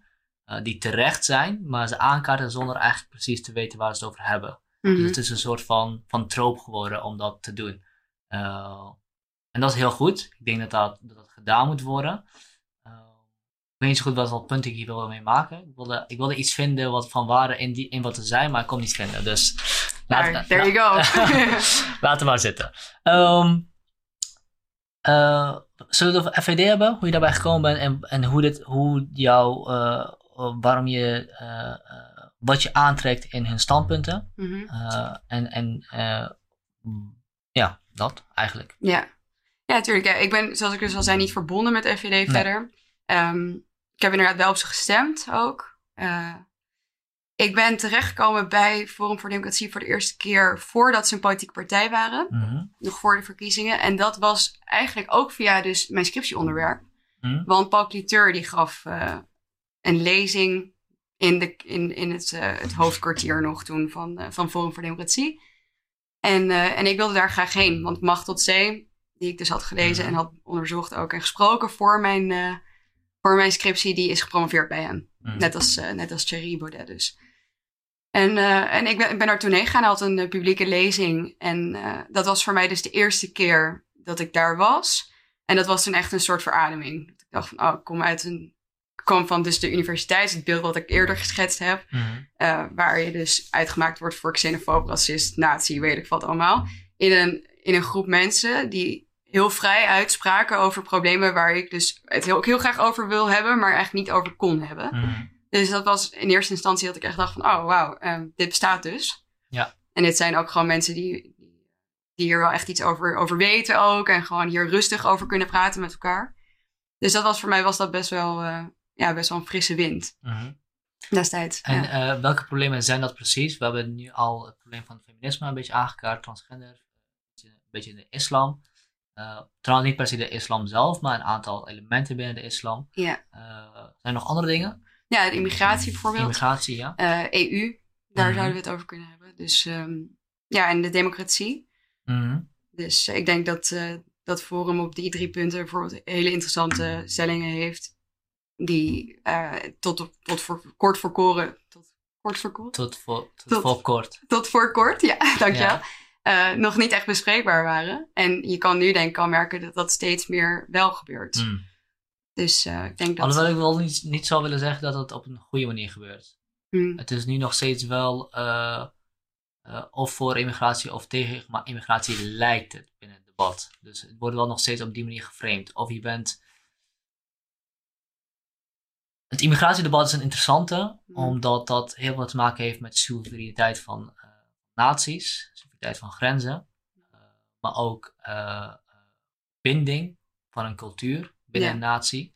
Ehm, en wat ik, het gevoel wat ik heb is dat eh, de twee kanten van het immigratiedebat verschillende vragen aan het stellen zijn. Waardoor het heel moeilijk is om overeenstemming te hebben en een debat te voeren. De ene kant stelt de vraag: hoe kunnen wij zorgen dat wij mensen zo goed mogelijk kunnen helpen? mhm, En de andere kant stelt de vraag: hoe zorgen wij dat wij onze eigen identiteit behouden? Ja, en het lijkt alsof die twee vragen met elkaar in debat gaan eh, en daardoor er niet echt goed uitkomen om een goed gesprek te hebben daarover. ja, ja. Ja, dus je bedoelt een beetje zeg maar, het humanitaire argument standaard tegen het, het culturele identitaire argument. Ja, het maakt hem zo wel iets harder. eh, maar ik denk, ik denk dat je het wel zo kunt stellen, ja. Eh, maar het het gaat niet per se om de argumenten die gemaakt worden. Want iemand die de vraag stelt, hoe behoud ik mijn identiteit, kan ook een humanitair argument geven. En ook Mhm. een identitair argument geven. Ehm, maar dat is de, de kapstok waaraan ze die argumenten en stellingen aan hangen. Dus eh, eh, FVD is naar mijn idee heel sterk voor het behouden van onze identiteit en alleen maar zorgen dat we onze identiteit als Nederlanders versterken. Eh, en we hoeven niet de hele wereld te redden. Mhm. Dat is eigenlijk denk ik wel een, een kernstelling van FVD. Ja, Kun je en, daarin vinden? eh, jawel, ja. Ja. Ja. En, en GroenLinks zou denk ik zeggen, eh, wij hebben de verantwoordelijkheid, omdat we het zo goed hebben, om eh, zoveel mogelijk mensen te helpen Ja, die we kunnen helpen. ja. Ja, z- zal ik daar gewoon even wat ik Ja, daarvan denk, tuurlijk. zeg maar, op ingaan? Ja. Oké, nou, ik, denk, om maar even beginnend dan met het GroenLinks argument, dus Mhm. dat wij de verantwoordelijkheid hebben om zoveel mogelijk mensen te helpen. Ehm, ik vraag me dan af, help je mensen daadwerkelijk? Dus bijvoorbeeld het idee, hè, dus van als je zegt van nou, wij gaan door met, met hele grote aantallen immigranten toelaten in Europa. Maar we hebben dus al gezien dat dat heel veel druk zet op bijvoorbeeld de verzorgingsstaat. En als dat heel veel druk zet op de verzorgingsstaat, en dat heeft dus weer hele kwalijke gevolgen voor zowel allochtoon als autochtoon in de long run, wie ben je dan eigenlijk aan het helpen? Dat is natuurlijk sowieso een, een praktische vraag. Hmm. Dan is natuurlijk het, andere argument is inderdaad dus de, de, de maatschappelijke onrust die er plaatsvindt, omdat we dus gezien hebben dat de, de integratie eigenlijk niet zo goed slaagt. Ehm, wie help je dan vervolgens, inderdaad? Dat is ook nog een aspect. Ehm, en ook het idee hè, dat, dat, dat je dus dat migratie nu bijvoorbeeld dan met het, met het Marrakesh-pact als een, als een mensenrecht wordt bestempeld. Dan kan je je afvragen van ja, maar hoe, hoe eh, goed is dat nou eigenlijk voor bijvoorbeeld een continent als Afrika? Dus we zien dat heel veel jonge mannen voornamelijk hè, vertrekken vanuit bijvoorbeeld Centraal-Afrika om een weg naar Europa te vinden.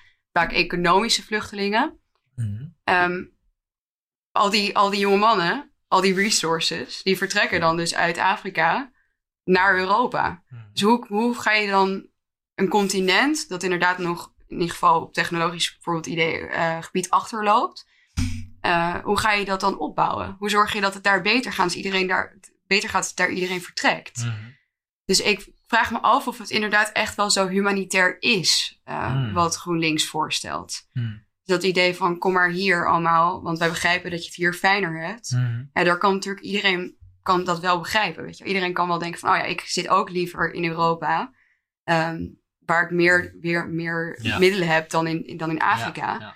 Laten we even de naam GroenLinks ervan afhalen, Mhm. want ik weet niet of het per se de... Ja, we kunnen sowieso wel ja. buiten Forum en Precies, GroenLinks. laten Ik we dat eh, even... ben daar wel voor. Ja, ik, voel, ik, voelde ik voelde hem zelf ook inderdaad vandaag van, oh, misschien moeten we niet per se zeggen dit is GroenLinks en dit is FVD. ja, Maar we begrijpen in ieder geval welke uiteinde van het spectrum we het over hebben. ja, zeker. En eh, dat, dat argument waardeer ik ook heel erg, omdat het eh, losgaat van het moralistische karakter van, eh, van het debat. Want inderdaad, het lijkt heel logisch om iemand te helpen die om, die om hulp vraagt, maar, het- Maar je argument ben je wel echt aan het helpen. Denk even goed na en... Ja, wat zijn de langere termijn gevolgen ja, voor, het concreet en voor beide partijen. Ja. En ik denk inderdaad als er een uh, leegloop is van, van, van werkkrachten, van, wel, van welk gebied dan ook, dat, dat leidt niet tot positieve resultaten voor dat gebied. Maar wat doe je met iemand die voor je deur, voordeur staat? Nou ja, ik denk dat die vraag misschien al een beetje misleidend is. Mhm. Want de vraag is niet, wat doe je met iemand die voor je voordeur staat? Wat doe je als je de voordeur wagenwijd openzet Mhm. en iedereen naar binnen komt lopen? Dat, zeg maar, snap je? Het is Mhm. niet zo dat je zegt van, eh, oké, mensen staan aan de poort te kloppen en wij gaan nu zeggen ja of nee. Maar Europa heeft een beleid gevoerd Mhm. dat ook heel veel mensen naar Europa heeft doen trekken. Mhm.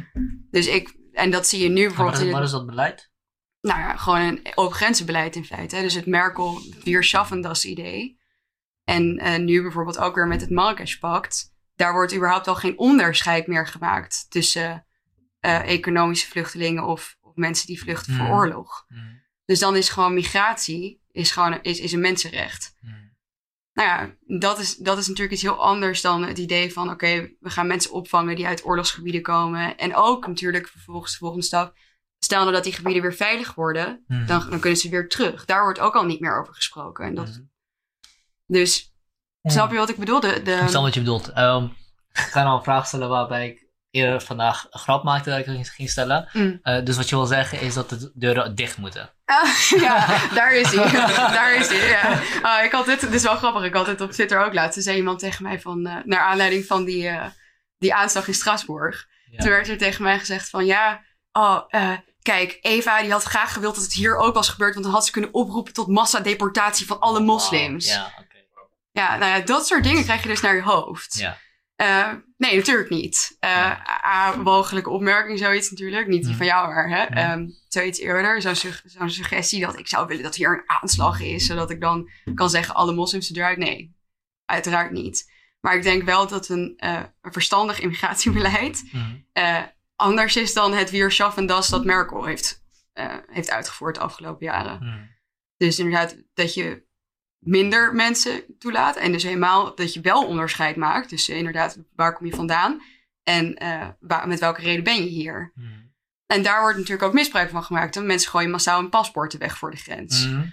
En dan kom je in een hele moeilijke discussie, denk ik. Die inderdaad raakt, denk ik, aan de kern van Europa en van het Westen. Dus die mensenrechten, die westerse waarden, die compassie waar wij allemaal voor staan. ehm, die schieten, daarmee schieten we onszelf eigenlijk nu een beetje in de voet. Want En degene die hier komen. ja, ja, niet degene die hier komen, maar de landen waar mensen vandaan komen. Zal je argument zijn. maar ja, ik weet niet of ik je helemaal goed begrijp, maar in ieder geval, als je bijvoorbeeld ziet hoeveel mensen hun paspoorten weggooien, omdat ze weten dat als ze stateloos zijn, dat het voor Europa veel moeilijker is om mensen terug te sturen. Mhm. Maar ook eh, landen van herkomst die per definitie zeggen wij laten niemand meer toe. Terug. Wij Mhm. ontvangen niemand meer. Mhm. Eh, dat, dat, nou ja, dan heb je natuurlijk helemaal geen, geen migratiebeleid. Beleid. Dan zit je gewoon vast. Mhm. Dan, is het, dan kan je eigenlijk geen kant meer op. Dus dan, als je dan vanuit dat humanitaire idee denkt, wat Europa dus dan doet, zegt van ja, maar we kunnen natuurlijk die mensen niet zomaar stateloos laten zijn. We kunnen ze niet aan hun lot overlaten. Ehm, daar wordt op ingespeeld. Dus dat is Door de landen van herkomst. ja, door land van herkomst. En nou ja, er zijn nu ook. eh, er zijn En nu waarom, ook- waarom, waarom nemen die landen van herkomst hun mensen niet terug? nou ja, er zijn allerlei redenen voor dat mensen dat zeggen. Maar eh, ook omdat ze weten dat het lukt. Dus dat ze zeggen van ja, mensen die weggaan, wij nemen niemand meer aan. En mensen die natuurlijk in Europa blijven, die sturen ook heel veel geld terug Mhm. naar land van herkomst. Dus ehm, ja, in Europa die, die, die gehoorzaamt in principe daaraan. Mhm. Want wij kunnen dus vanuit humanitaire overwegingen niet heel veel anders. Mhm. Dus dan zit je, dat is iets wat ik denk dat in het Westen heel vaak heel moeilijk is. Net als de vraag bijvoorbeeld, kan de democratie de democratie afschaffen? Mhm. Dus kunnen onze eigen waarden, onze eigen overtuigingen, die, die verlichtingswaarden, die zo diep zijn geworteld in onze maatschappij, kunnen die er uiteindelijk voor zorgen dat onze eigen maatschappij ten onder gaat? Nou ja, met, met immigratiebeleid is dat dan dus in principe nu ook een beetje de vraag. Eh, kan het zo zijn dat wij een migratiebeleid hebben dat, ons, dat, dat onszelf eigenlijk helemaal op klem zet? Dus dat we Mhm. in principe eigenlijk niet echt meer een beleid hebben.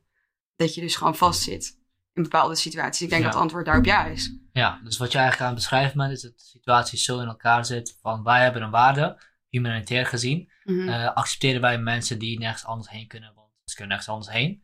Eh, en op het moment dat we erachter komen, ze komen uit Syrië over hebben en we willen ze terugsturen, dan kan dat niet, want die landen weten dat als die mensen hier blijven, dat ze geld terugsturen. Ja, ik denk dat dat bijvoorbeeld En een van de redenen is waarom, eh, waarom Even. er inderdaad landen zijn die zeggen, nou, we laten niemand meer toe terug. Ehm, ja, nou ja, die zitten dan inderdaad vast. Ja. Zou dan zo'n Marrakesh, eh, is, dat- is het argument dan niet juist voor zo'n Marrakesh-pact om eh, met andere landen af te spreken wat het is dat je, dat je met elkaar wil? Dat je daar, dus ik weet niet zo goed hoe, het, hoe dit zit, want volgens mij het Mm. Marrakesh-pact is zelf niet bindend. Dus Ja. hoe erg is het nou, bij de, eh, hoe, hoe, hoe groot een probleem is dit nou precies? Want ik weet dat FVD heeft het echt op de kaart gezet, dat debat. Ja, nou, dat zegt natuurlijk al iets, hè? Dat zo'n debat zoiets belangrijks, hè? Dus Mhm. we hebben nu een, we hebben een vluchtelingencrisis gehad. Migratie is het thema van Europa. En dan komt er een heel belangrijk VN-pact waar gewoon niet over gedebatteerd wordt in de Tweede Kamer. mhm, Wordt gewoon door de Nederlandse regering niet op de agenda gezet. Wordt ook buiten de agenda gehouden. Inderdaad, Thierry heeft er hard voor moeten werken om dat überhaupt ter, de- ter discussie te kunnen stellen in de Tweede Kamer. Nou, eh, ik had bijvoorbeeld ook dit- ik had deze discussie met mijn vriend, die dus Frans is. mhm, In Frankrijk, hij wist niet eens wat het was. mhm. Eh, dus het feit dat dit een beetje soort van. Het lijkt, het lijkt echt ernaar. Het ziet er naar uit dat we ze er gewoon dachten van we gaan dit er een beetje doorheen schuiven. Terwijl het zo'n belangrijk thema is nu. Dat is toch vreemd dat dat dan niet op de agenda wordt gezet. Ja, nou, ja, dat, je zou daarvan ook kunnen denken van dat, is- dat is wel een beetje apart, toch? Ja, eh, alleen het argument was dat eh, dit pact is niet bindend, dus Ah ja, zo belangrijk is het niet. Ehm, nou ja, Of tenminste, zo, eh, zo, de, de gevolgen zijn niet zo vergaand om het volledig te bespreken. ja, nou ja, ik denk dat er allerlei argumenten voor zijn om te zeggen dat dat, al hoewel het daar dus inderdaad staat van het is niet bindend, hè, Mhm. is de, zijn de bewoordingen van het pact vaak zo dat je er eigenlijk uit zou kunnen halen dat het in feite wel bindend is. Dus als Mhm. er bijvoorbeeld wordt gezegd van, nou, we commit to, Mhm. of wij gaan, wij gaan sowieso dit doen, dan vraag ik me af in hoeverre zou dit dan niet bindend zijn. Je kan natuurlijk ook nog zeggen van ja, via soft law zou dit alsnog door een rechter kunnen worden ingeroepen. Nou, hoe, Nou, werkt, hoe, werkt, hoe werkt dat, die soft laws? ja, soft law. Nou, er, er is dus wel eerder een zaak geweest, daar heeft Thierry het ook vaak over gehad. Eh, dit was dat de Nederlandse staat ehm, via de rechter werd gebonden aan een klimaatpact. Mhm. Dus de rechter die zei van ja, ook al is dit niet, misschien niet helemaal bindend, het is soft law en ik ga jullie er toch aan houden, Nederlandse staat. Jullie moeten toch deze, aan die voorwaarden voldoen die in dat klimaatpact zijn opgezomd, want jullie hebben dat onderschreven of Mhm. jullie hebben dat gesteund.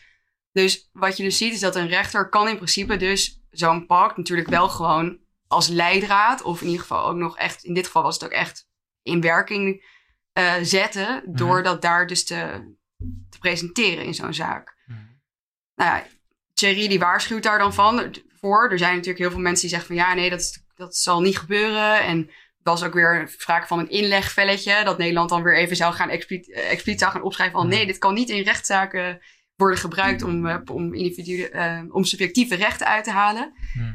Maar ja, de praktijk leert een beetje anders.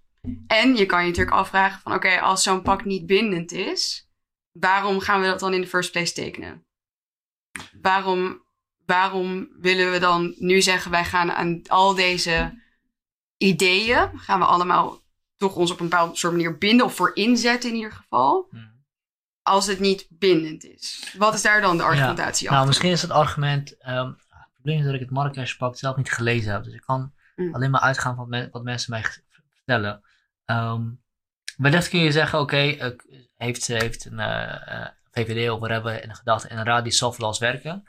Maar wij doen alles al wat in het pact staat. Dus die soft laws kunnen alleen maar in ons voordeel werken wanneer we immigranten willen terugsturen. Migranten of asielzoekers of whatever. Ja, nou volgens mij de context van, de- van dat Marrakesh-pact en wat ik er in ieder geval uit gelezen heb en ook de- het idee dat ik erbij krijg, Mhm, is dat pact absoluut niet daarvoor bedoeld. mhm, Dus de hele sfeer van dat pact gaat juist over meer rechten voor de migrant. Migrant, migrant, hè? dus niet vluchteling, niet politiek vluchteling, eh, zelfs niet eens economisch, maar gewoon de migrant in zijn geheel. Migratie wordt een mensenrecht. Europa moet daar ook eh, meer in gaan faciliteren. Dus dat migratie naar Europa makkelijker wordt. Maar wel, maar wel migratie via de, via de, de, de legale wegen, toch? nou ja, Want nu krijg je heel veel illegale migratie. En als je kunt zorgen dat mensen meer via legale wegen eh, gaan, eh, gaan proberen te migreren, kun je het beter regule- reguleren.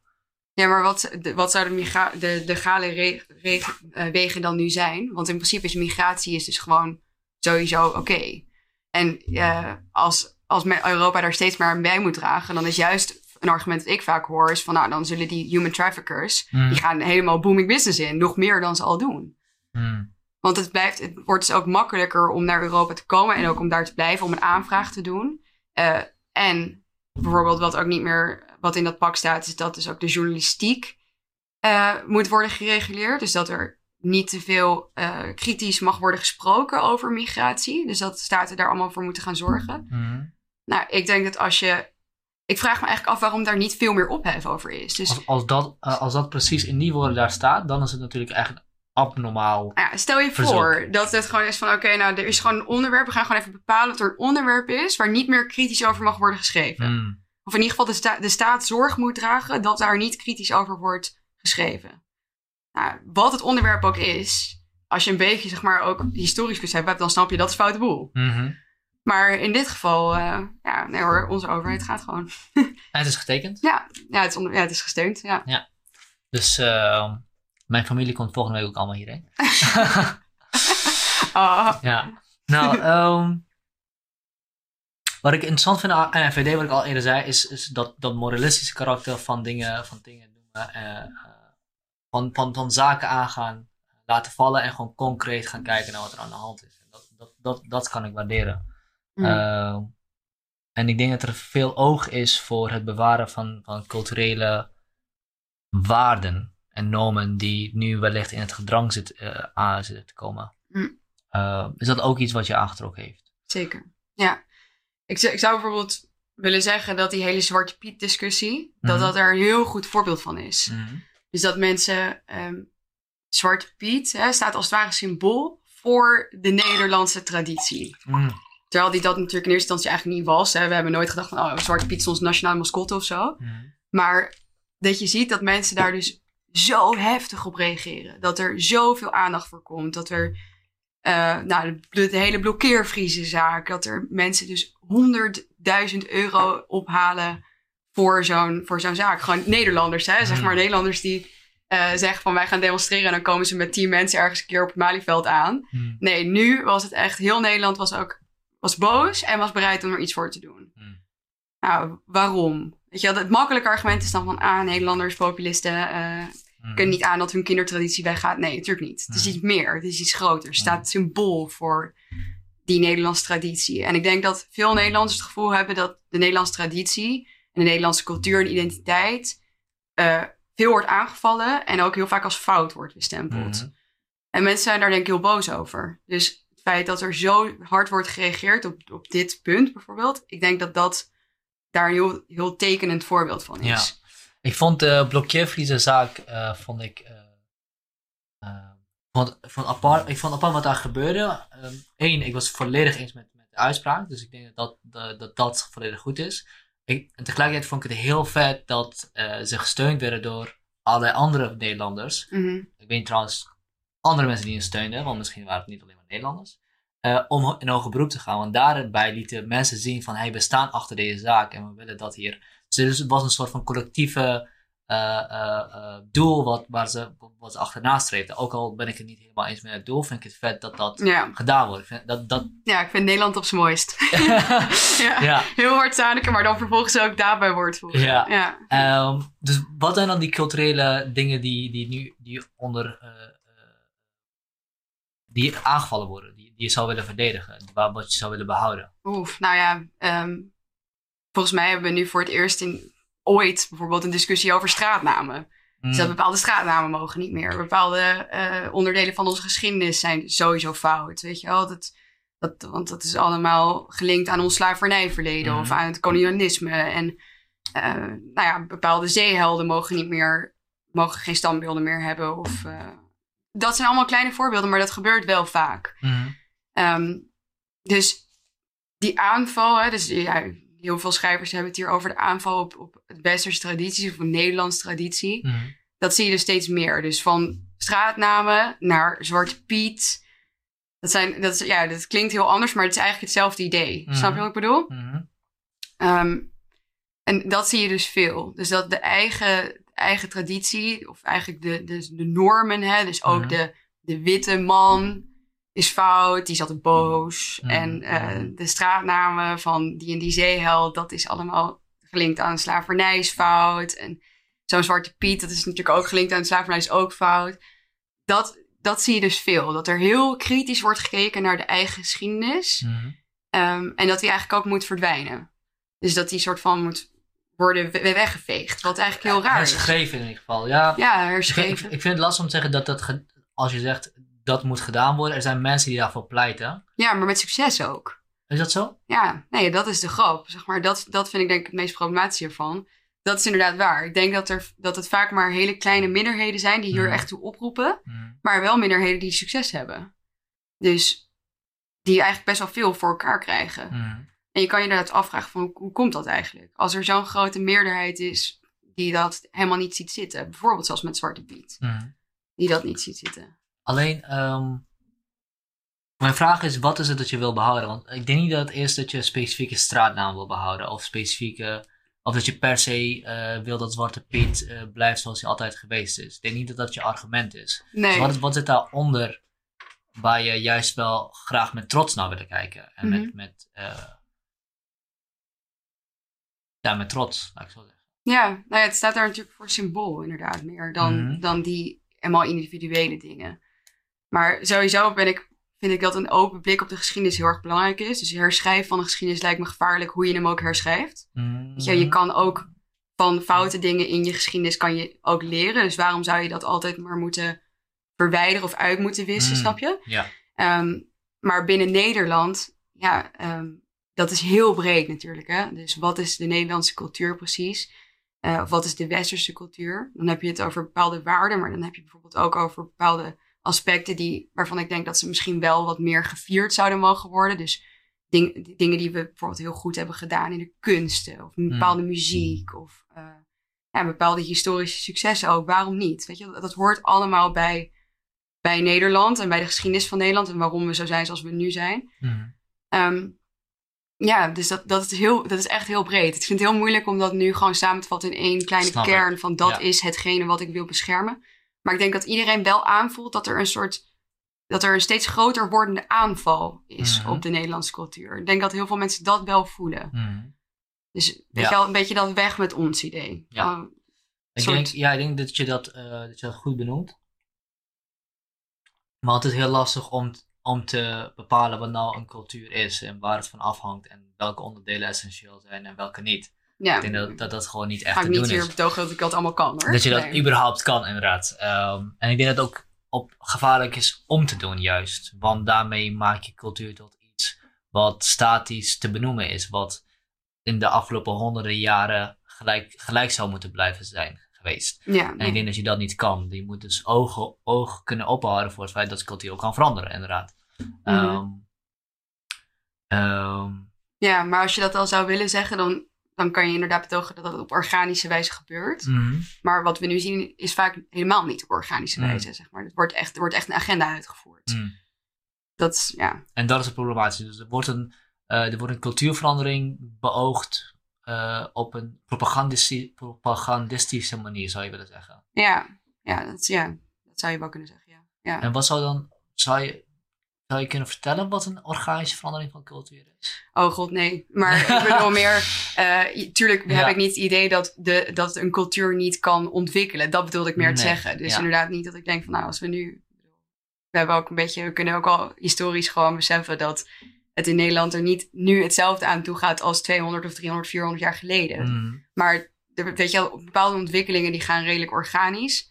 Maar je ziet nu dus vrij militante bewegingen, dat bedoel ik eigenlijk meer. Mhm. Die dus eh, in ieder geval de focus op iets heel anders willen leggen. Of, in ieder geval, of dus bepaalde onderwerpen een beetje willen toedekken. Mhm. Ehm, ja. En dat is een probleem. Ja.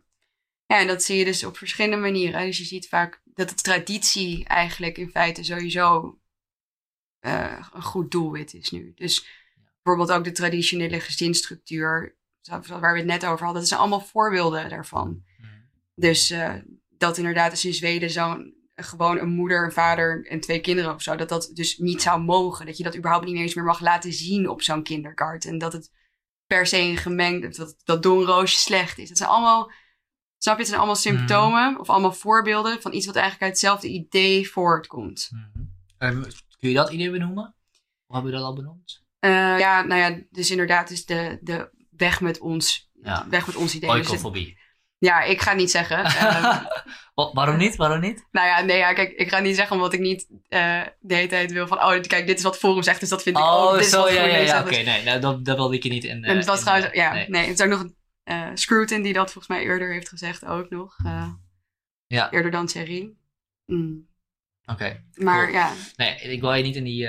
die dat, nee, het is meer Ja. om, de, om de, de tendens, zeg maar, te illustreren. Ja. duidelijk. Ehm, je we noemden net een paar onderwerpen. We hebben het over immigratie gehad, we hebben het over eh culturele identiteit gehad. Mhm. Eh, nog iets anders wat belangrijk was. Dat ik helemaal vergeten ben. Mm, Europese Unie. Europese Unie. Eh, maar dat ging, daar hebben we het even over gehad qua met, op immigratiebeleid. Ehm, wat vind je van de EU dan in het algemeen?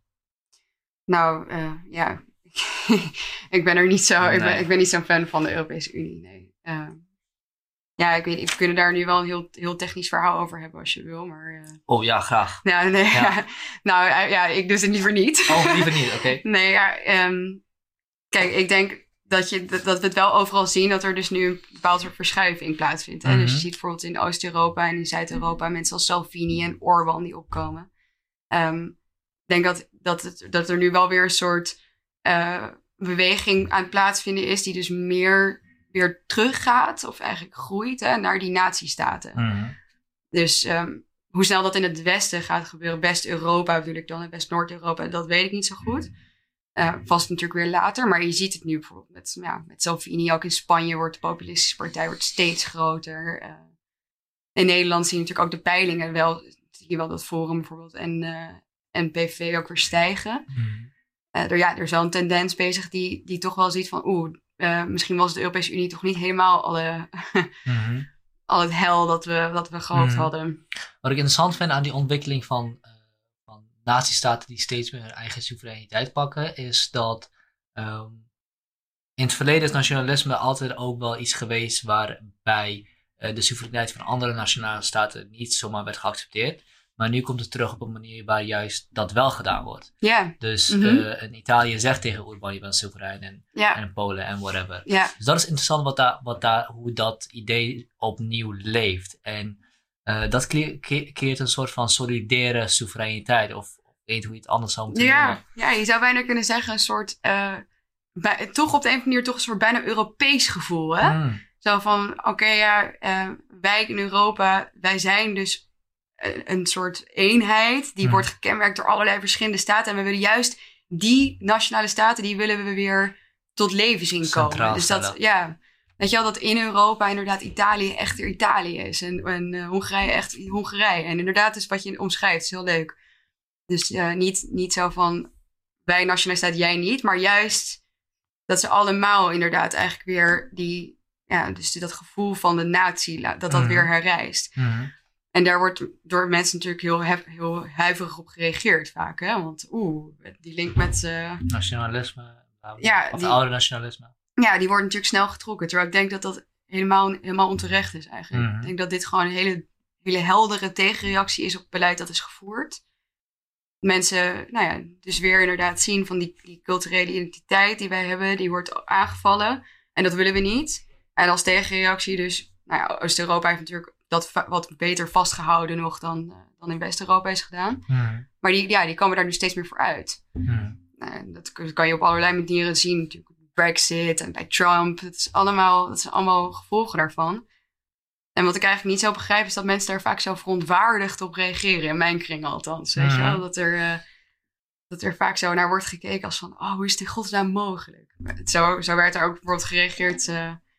weet ik nog, toen ik nog eh, in Utrecht rondliep op de verkiezing van, van Trump bijvoorbeeld. Mhm. Weet je mensen echt helemaal stonden te kijken van... "Oh, wat is hier gebeurd? Hoe kan dit? Hoe kan zo iemand aan de macht komen? En dan denk ik, ja, als je niet ziet hoe dat is gebeurd. En hoe logisch het eigenlijk is dat dat is gebeurd. Dan, dan mis je echt het grote probleem. Ja, ik denk inderdaad Ja. dat je dan echt eh, moet gaan nadenken over wat, heb ik, wat, wat snap ik niet. Wat is er aan de hand wat ik niet snap en dat gaan, dat gaan uitzoeken zodat je begrijpt waarom mensen voor Trump zouden stemmen. Ja, ik denk dat hetgeen dat ze niet snappen precies het probleem is. Ja. Dus eh, bijvoorbeeld als je niet ziet dat, dat politici die continu naar het, naar het, naar het volk hè, dan Mhm. wijzen van ja, jullie, jullie zijn eh, laag opgeleid of dom. Dus bijvoorbeeld zoals er altijd over, over Wilderstemmers wordt gesproken. Mhm. Dus PVV-stemmers, karikatuurbeeld, laag opgeleid, laag inkomen, domme mensen die aan het schreeuwen zijn en helemaal geen verstand van zaken hebben. En als ze nou drie boeken zouden lezen, zouden het snappen. Hmm. Weet je wel, dat soort eh, neerbuigende arrogantie. Zo, zo wordt, met dat soort neerbuigende arrogantie wordt er over die mensen gesproken. Eh, ook door bepaalde culturele elites, bijvoorbeeld in Mhm. Nederland. Of in ieder geval politieke partijen ook, zou je kunnen zeggen. Vind je het dan gek dat die mensen niet op jou stemmen? Ja, Ja, ik bedoel, ik niet. Ik ga ook niet op iemand stemmen die tegen mij zegt van ja, eh, die gevolgen van bijvoorbeeld immigratie en de falende integratie, die, die, waar jij dan middenin zit. Hè? Want dat is Mhm. natuurlijk wel heel logisch. Je kan wel Mhm. zeggen van ja, oké, mensen die bijvoorbeeld een wat lager inkomen hebben, die zijn vaak, zitten vaak meer in de buurten waar ze dus de gevolgen van bijvoorbeeld immigratie en falende integratie echt in levende lijven ondervinden Mhm. dat die mensen daar dus dan ook vervolgens boos om worden en zich daarover uitspreken. Dat is niet omdat ze dom zijn, maar het is omdat ze het zelf meemaken. Het is heel makkelijk om eh, vanuit de grachtengordel te zeggen, ja, er is helemaal niks aan de hand. Maar op de een of andere manier wil dat kwartje, nou ja, nu misschien wat meer, maar toen in ieder geval wilde nog niet echt vallen. Mhm. Dus het idee van, ja, oké, eh, ik, ik zeg dan dat die mensen dom zijn en nou stemmen ze op mensen als Trump. Hoe is in godsnaam mogelijk? Mhm. Nou, ja, sorry hoor, maar Ja. wake up. Ja, ja. Nogal Ja, in de. VS was dat natuurlijk super duidelijk. Ook omdat je daar natuurlijk twee partijen hebt. Dat, dat, dat is onmiskenbaar dat dat eh, wat daar gebeurd is. En ook op de manier waarop je het nu beschrijft, onmiskenbaar. Even terug naar die nazistaat. Ik wil het nog één punt maken. Want Mhm. ehm, ik denk dat daar inderdaad iets interessants gebeurt. Maar er is ook wel een gevaar, denk ik. Omdat die eh, heropleving van, van de eigen soevereiniteit, ook al is het solidair met alle nazistaten, ook sterker gepaard aan het gaan is met eh, het afkeer van het andere. Eh, niet alleen maar omdat, niet, niet alleen maar vanuit, vanuit. Nee, dat woord wil ik niet gebruiken. Ik wil, ik wil zeggen, niet alleen maar vanuit racistische overwegingen, maar dat zou impliceren dat ik zeg, primair is het racistisch, maar dat wil ik niet zeggen. Maar in ieder geval de, Xenofobe, ja, misschien, misschien, ja, vind ik ook net wel iets sterk. Er zitten natuurlijk xenofobe e- elementen in, of mensen die xenofobisch zijn, Mhm. whatever. Maar het gaat, er is ook een afkeer van het andere aan de hand. En ehm, dat is misschien niet per definitie problematisch, want ik denk dat je best wel mag zeggen als eh soeverein nazistaat, eh, om te zeggen, wij accepteren zelf wie er binnenkomt en ik wil niet zomaar iedereen in mijn eigen, eh, in mijn plek hebben, dat, dat kan.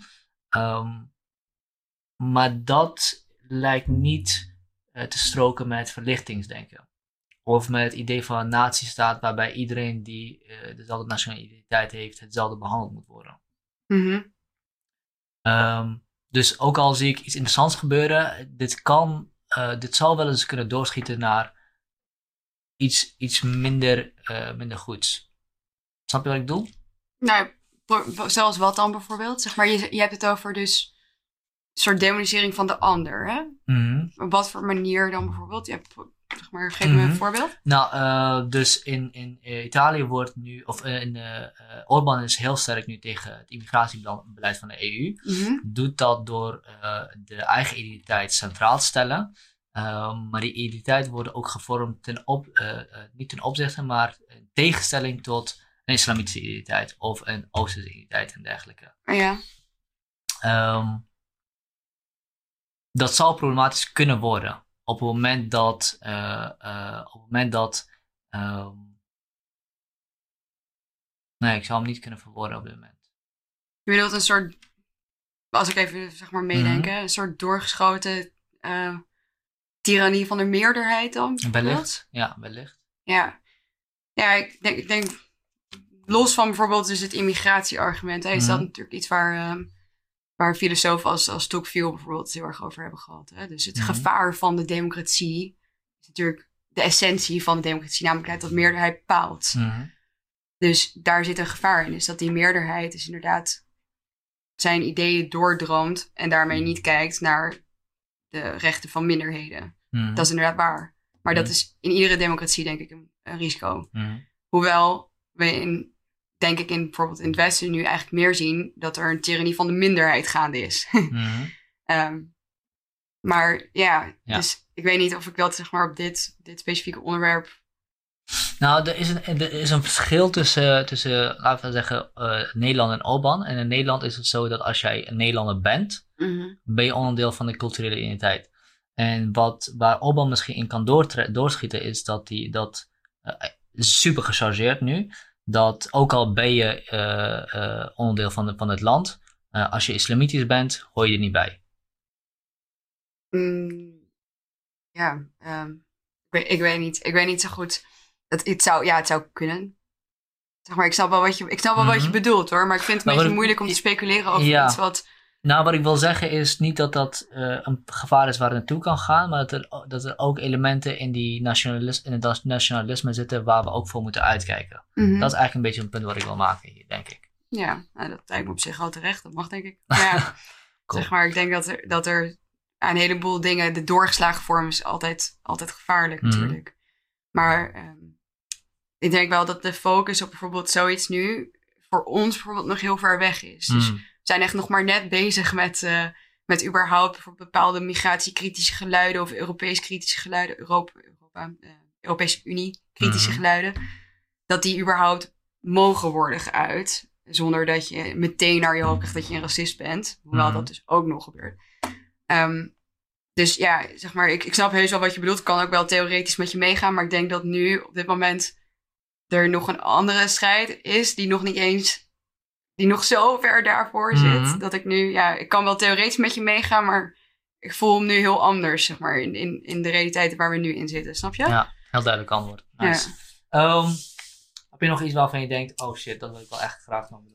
Oh, ja, we hebben het eigenlijk over best wel veel gehad. Ja. Hoe lang zijn we bezig geweest deze? Eh, niet zo lang eigenlijk, anderhalf uur. Anderhalf uur, oké. Anderhalf uur. Oh, nou, dat is best, best wel lang, toch? Ja. Anderhalf uur. Wie heeft er nou zin om anderhalf uur naar mij te luisteren? maar, Dat eh, gaan we zien. Ja, nou ja, naar jou misschien wel. Ja. Ja, ik, ik weet het echt niet. Ik vond, het- ik vond het een leuk gesprek wat we hebben gehad. Ik, eh, ja, we hebben het natuurlijk gehad over de, over de gender-ideologie, Mhm. zoals je het inderdaad noemde. Ehm, ja, ik zou misschien daar nog wel even bij willen zeggen. Dus dat ik, we hebben het, je hebt ook een paar keer gezegd transgender bijvoorbeeld. Hè? Ja? Als ik het over deze, eh, deze ontwikkeling heb, dan heb ik het niet over gewoon mensen die zeggen van, oh, ik, ik, ik, ben, een, ik ben biologisch vrouw, maar ik voel mijn man en ik maak Mhm. mijn eigen transitie daarin. Ik heb het echt meer over het fenomeen dat alles ertussen en ernaast en erboven en eronder ook mogelijk is. Dus dat Mhm. er als het ware een soort oneindige, een oneindige scala aan verschillende opties komt. En dat uiteindelijk dus bijvoorbeeld problematisch zou kunnen zijn. En dat wilde ik nog even, Ja, even duidelijk. verduidelijken. Ja. Dankjewel. Nee, ik heb, eh, ik Oh, heb nog shit. een eh, voorstel misschien. Ja. Eh, wat- heb, je nog, heb je nog iets aan tips of... eh, Tips of tops? Tips, tips is echt een stom woord daar moet ik het niet over hebben. Heb je misschien voor iemand advies die bijvoorbeeld hetzelfde meemaakt zoals jij hebt gedaan op je, tijdens je studietijd? Als je het gevoel heeft van, joh, ik zit in een, op bij een universiteit waarbij ik echt het gevoel heb dat ik word benaderd door willen van Mhm. mijn politieke positie of wat Ja. dan ook. Wat, wat die misschien zou kunnen doen. Of- Ja, Nou, dat is goed. Ja. ja, leuke vraag al. Ik heb dus ook nog. Het is wel leuk dat je dat Dus, zegt. dus niet per se of het nou links of rechts is, maar gewoon als iemand het gevoel heeft op een universiteit van, joh, ik pas echt niet, totaal niet bij plek waar ik nu zit, maar Snap ik ik. wil Ja. wel echt deelnemen. ja. Ik krijg dus wel eens berichten van jonge mensen op Twitter. Die dus net zijn begonnen met studeren of al een tijdje studeren. En die me dit dus vragen. Mm. Dus dat is echt wel, is wel leuk dat je dat, eh, dat je dat zegt. En mijn tips zijn eigenlijk altijd een beetje hetzelfde. Pick your battles wisely. Dus ehm, als je continu merkt dat je zeg maar in, in colleges en zo, dat er bepaalde dingen zijn die, die heel moeilijk zijn voor jou of die niet mogen worden gezegd, of dat je een bepaald soort spanning voelt. Ehm, ik weet hoe, hoeveel energie dat kost. Mm. En eh, ik denk dat het heel belangrijk is dat je inderdaad op een gegeven moment gaat kiezen van oké, nou dit vind ik zo dadig belangrijk. Dit gaat zo in tegen al mijn, al mijn ideeën en overtuigingen. Hier zeg ik wat van. En bij andere dingen dan maar helaas dan maar denkt van ja, oké, hier hou ik maar even, wat neem ik als gas Mhm. terug. Of dit laat ik maar even gebeuren of zo. Want anders dan blijf je bezig. Ja, dat is helaas de, de, het is niet een leuk antwoord, maar het is wel de realiteit. Je moet ook gewoon je Ja. studie halen. Ja. Ehm, ja, maar spreek je dus wel uit op de punten dat het dus echt moeilijk wordt voor je. Want dat is uiteindelijk waar een academisch debat over gaat. Mhm. Dat is natuurlijk het meest kwalijke punt hiervan. Dus het is als er één, wa- wat waar het ook vandaan komt, of het nou links, rechts, marxistisch of conservatief of whatever is, ehm, één geluid, dat is, het, dat is het probleem van een universiteit. Als dat zo is. Dus literatuur van persoon A en dan persoon B die eigenlijk hetzelfde zegt als persoon A, Mhm. ja, dan heb je geen, dan heb je geen discussie. Mhm. Dat is ook niet wetenschappelijk uitdagend. Je moet één denkbeeld tegenover het andere kunnen zetten. En dan jou je eigen ideeën over vormen. Dus ik zou dan ook die mensen aanraden om dat te doen. Dus als jij merkt van nou, de lit- literatuur die ik krijg is eenzijdig. Zoek eens wat op over op websites die net iets anders zeggen dan jij. Of eh, wat anders zeggen dan je docent. Ja. Zodat je zelf zeg maar een gebalanceerd beeld kan krijgen van wat, de, wat er allemaal gaande is. En daar dan een mening uit kan vormen. Ja, het is eigenlijk een heel simpele tip. Maar wel denk ik Het zijn heel- twee tips. Choose your battle wisely en eh, doe je onderzoek. Ja, eentje heel praktisch, eentje inhoudelijk, Ja, ja. denk ik. Zou er nog iets aan willen toevoegen? En dat is eh, wat je, wat, wat, wat, wat, waar je tegenaan loopt vaak als je heel erg veel argumenten tegen je positie krijgt, is dat je tegenargumenten gaat geven voor tegenargumenten. Maar blijf dichtbij wat je eigenlijk wil zeggen Ja, en concentreer je op, op de centrale punt van iemands stelling of jouw eigen stelling. ja, Ga niet alle, zand, alle, alle randzaken eromheen bespreken, maar hou het bij, bij, bij de inhoud en de basics en de essentie van wat Ja. iemand wil zeggen. ja, is heel goed. Want het is inderdaad zo dat het heel makkelijk is om daarin te verzanden. Hmm. Ik merk dat ik zelfs nu in dat gesprek met jou dat af en toe nog steeds een beetje doe. Hmm. Dat ik dan denk van, oeh, misschien va- valt iemand dit net zo op en dan gaan ze me daarop proberen te pakken of zo, weet Ja, je wel? En ja. dat je dan dus, omdat je zo gewend bent dat dat gebeurt, je daarin verzelt. En vaak heeft dat dus helemaal geen zin, want mensen die je willen pakken, of mensen die jou een racist willen noemen, die gaan je toch wel een Die pak je racist noemen. sowieso wel, inderdaad. Dus dan kan je maar beter inderdaad denken van, nou, ik, eh, om het maar met een leuke millennial term te zeggen, ik own dit. en, eh, en ik sta hiervoor en ik ga dat gewoon uitleggen en dat doe ik zonder me daarvoor te verontschuldigen. Hmm, En dan inderdaad, ja, wel onderbouwen, tuurlijk. Zoals iedereen eh, dat Zeker. zou moeten doen. Zeker. Maar ehm, ja, het is inderdaad zo, je, je tegenstander ruikt het als je zwak eh, staat. Dus als je Mm. inderdaad je gaat verontschuldigen voor je ideeën. ehm, Ik denk dat dat sowieso een van de problemen is die we, die we hebben. We moeten stoppen met ons verontschuldigen voor bepaalde dingen die gewoon natuurlijk zijn. Ja, ben ik helemaal mee eens. Ik denk dat je eh, ook. eh, je moet gewoon kunnen zeggen wat je vindt. Als het op basis van inhoud is. Zolang je niet mensen aan het eh, afmaken bent of aan het, demoniseren bent, moet je gewoon kunnen zeggen wat je vindt op basis van inhoud. En ik zou nog één punt willen toevoegen. Ehm, denk ik. Probeer altijd te zoeken naar wat het is dat je wilt bereiken. Want, want als je een discussie hebt met iemand, is er iets wat jullie allebei belangrijk vinden. Ja. Uh, en probeer te kijken of je dat kan vinden. En uh, s- op een discussie te veranderen naar een manier om samen tot een antwoord te komen. Zoek Of- naar de waarheid. Op zoek naar de waarheid, ja. Ja, En Ja. eh, dat is heel lastig om te doen, zeker als mensen jou eh, in een hoekje willen, willen stoppen. ja, Ehm, maar als je een heel goede strategie wil gebruiken of een tactiek, eh, wanneer mensen je in een hoekje wil stoppen, stel gewoon vragen. En eh, kom niet met stellingen. Dan, dan, dan eh, praat iemand en zegt, zegt vanzelf al klem. Dat kun je altijd nog proberen, maar die zou ik niet aanraden eigenlijk. nou ja, ja, ik denk wel dat mensen... Als je echt, als je echt in, een, in, een, in een gevaarlijke situatie bent, eh, Mhm. qua, qua debat of whatever, en alles wat je zegt wordt op de een of andere manier geframed, dan kun je beter gewoon, Ja. gewoon vragen stellen en eh probeer te onderzoeken waar iemands gaten zitten. Dat is waar, ja. En soms ook maar gewoon kiezen. Kijk, ik heb nu ook wel... Bijvoorbeeld op Twitter, dan. eh, ik, ja, je krijgt mensen die inderdaad inhoudelijk op je ingaan, maar je krijgt dus ook zoveel mensen die gewoon maar wat roepen tegen je. En Mm. dan is het ook. Kijk, ik, ik kies nu wel ervoor om niet meer in te gaan op iedereen die dan tegen mij zegt van oh, xenofoob of oh, racist of weet ik Ja. wat. En dat ik moet wel zeggen, het zijn er echt helemaal niet zo heel veel. Ja, Ehm, ze zijn er wel en ze zijn ook vervelend en het is niet leuk om dat eh, over je heen te krijgen. Maar eh, ik merk ook dat, dat, dat er toch wel steeds meer mensen zijn die eigenlijk ook wel gewoon dit, dit geluid, bijvoorbeeld wat ik nu een Hmm. beetje vertel en wat, wat andere mensen aan wat rechtere flank bijvoorbeeld ook vertellen, dat dat wel steeds meer aanslaat ook Aanslaat, bij mensen. ja. Of dat ze in ieder geval blij zijn dat er, dat er over wordt gepraat. Hmm, Ja. mooi. Ja. Nice. Dankjewel. ja, jij bedankt. Super. Ja, jij draagt heel goed bij aan, eh, aan goede debatvorming. Ik doe Dit is mijn best. natuurlijk, eh, ja, het is bijna niet meer van deze tijd, hè, urenlang met iemand praten. Inderdaad. Maar eh, wel heel belangrijk, denk ik. Yes, dankjewel. Nice. Break it off, baby.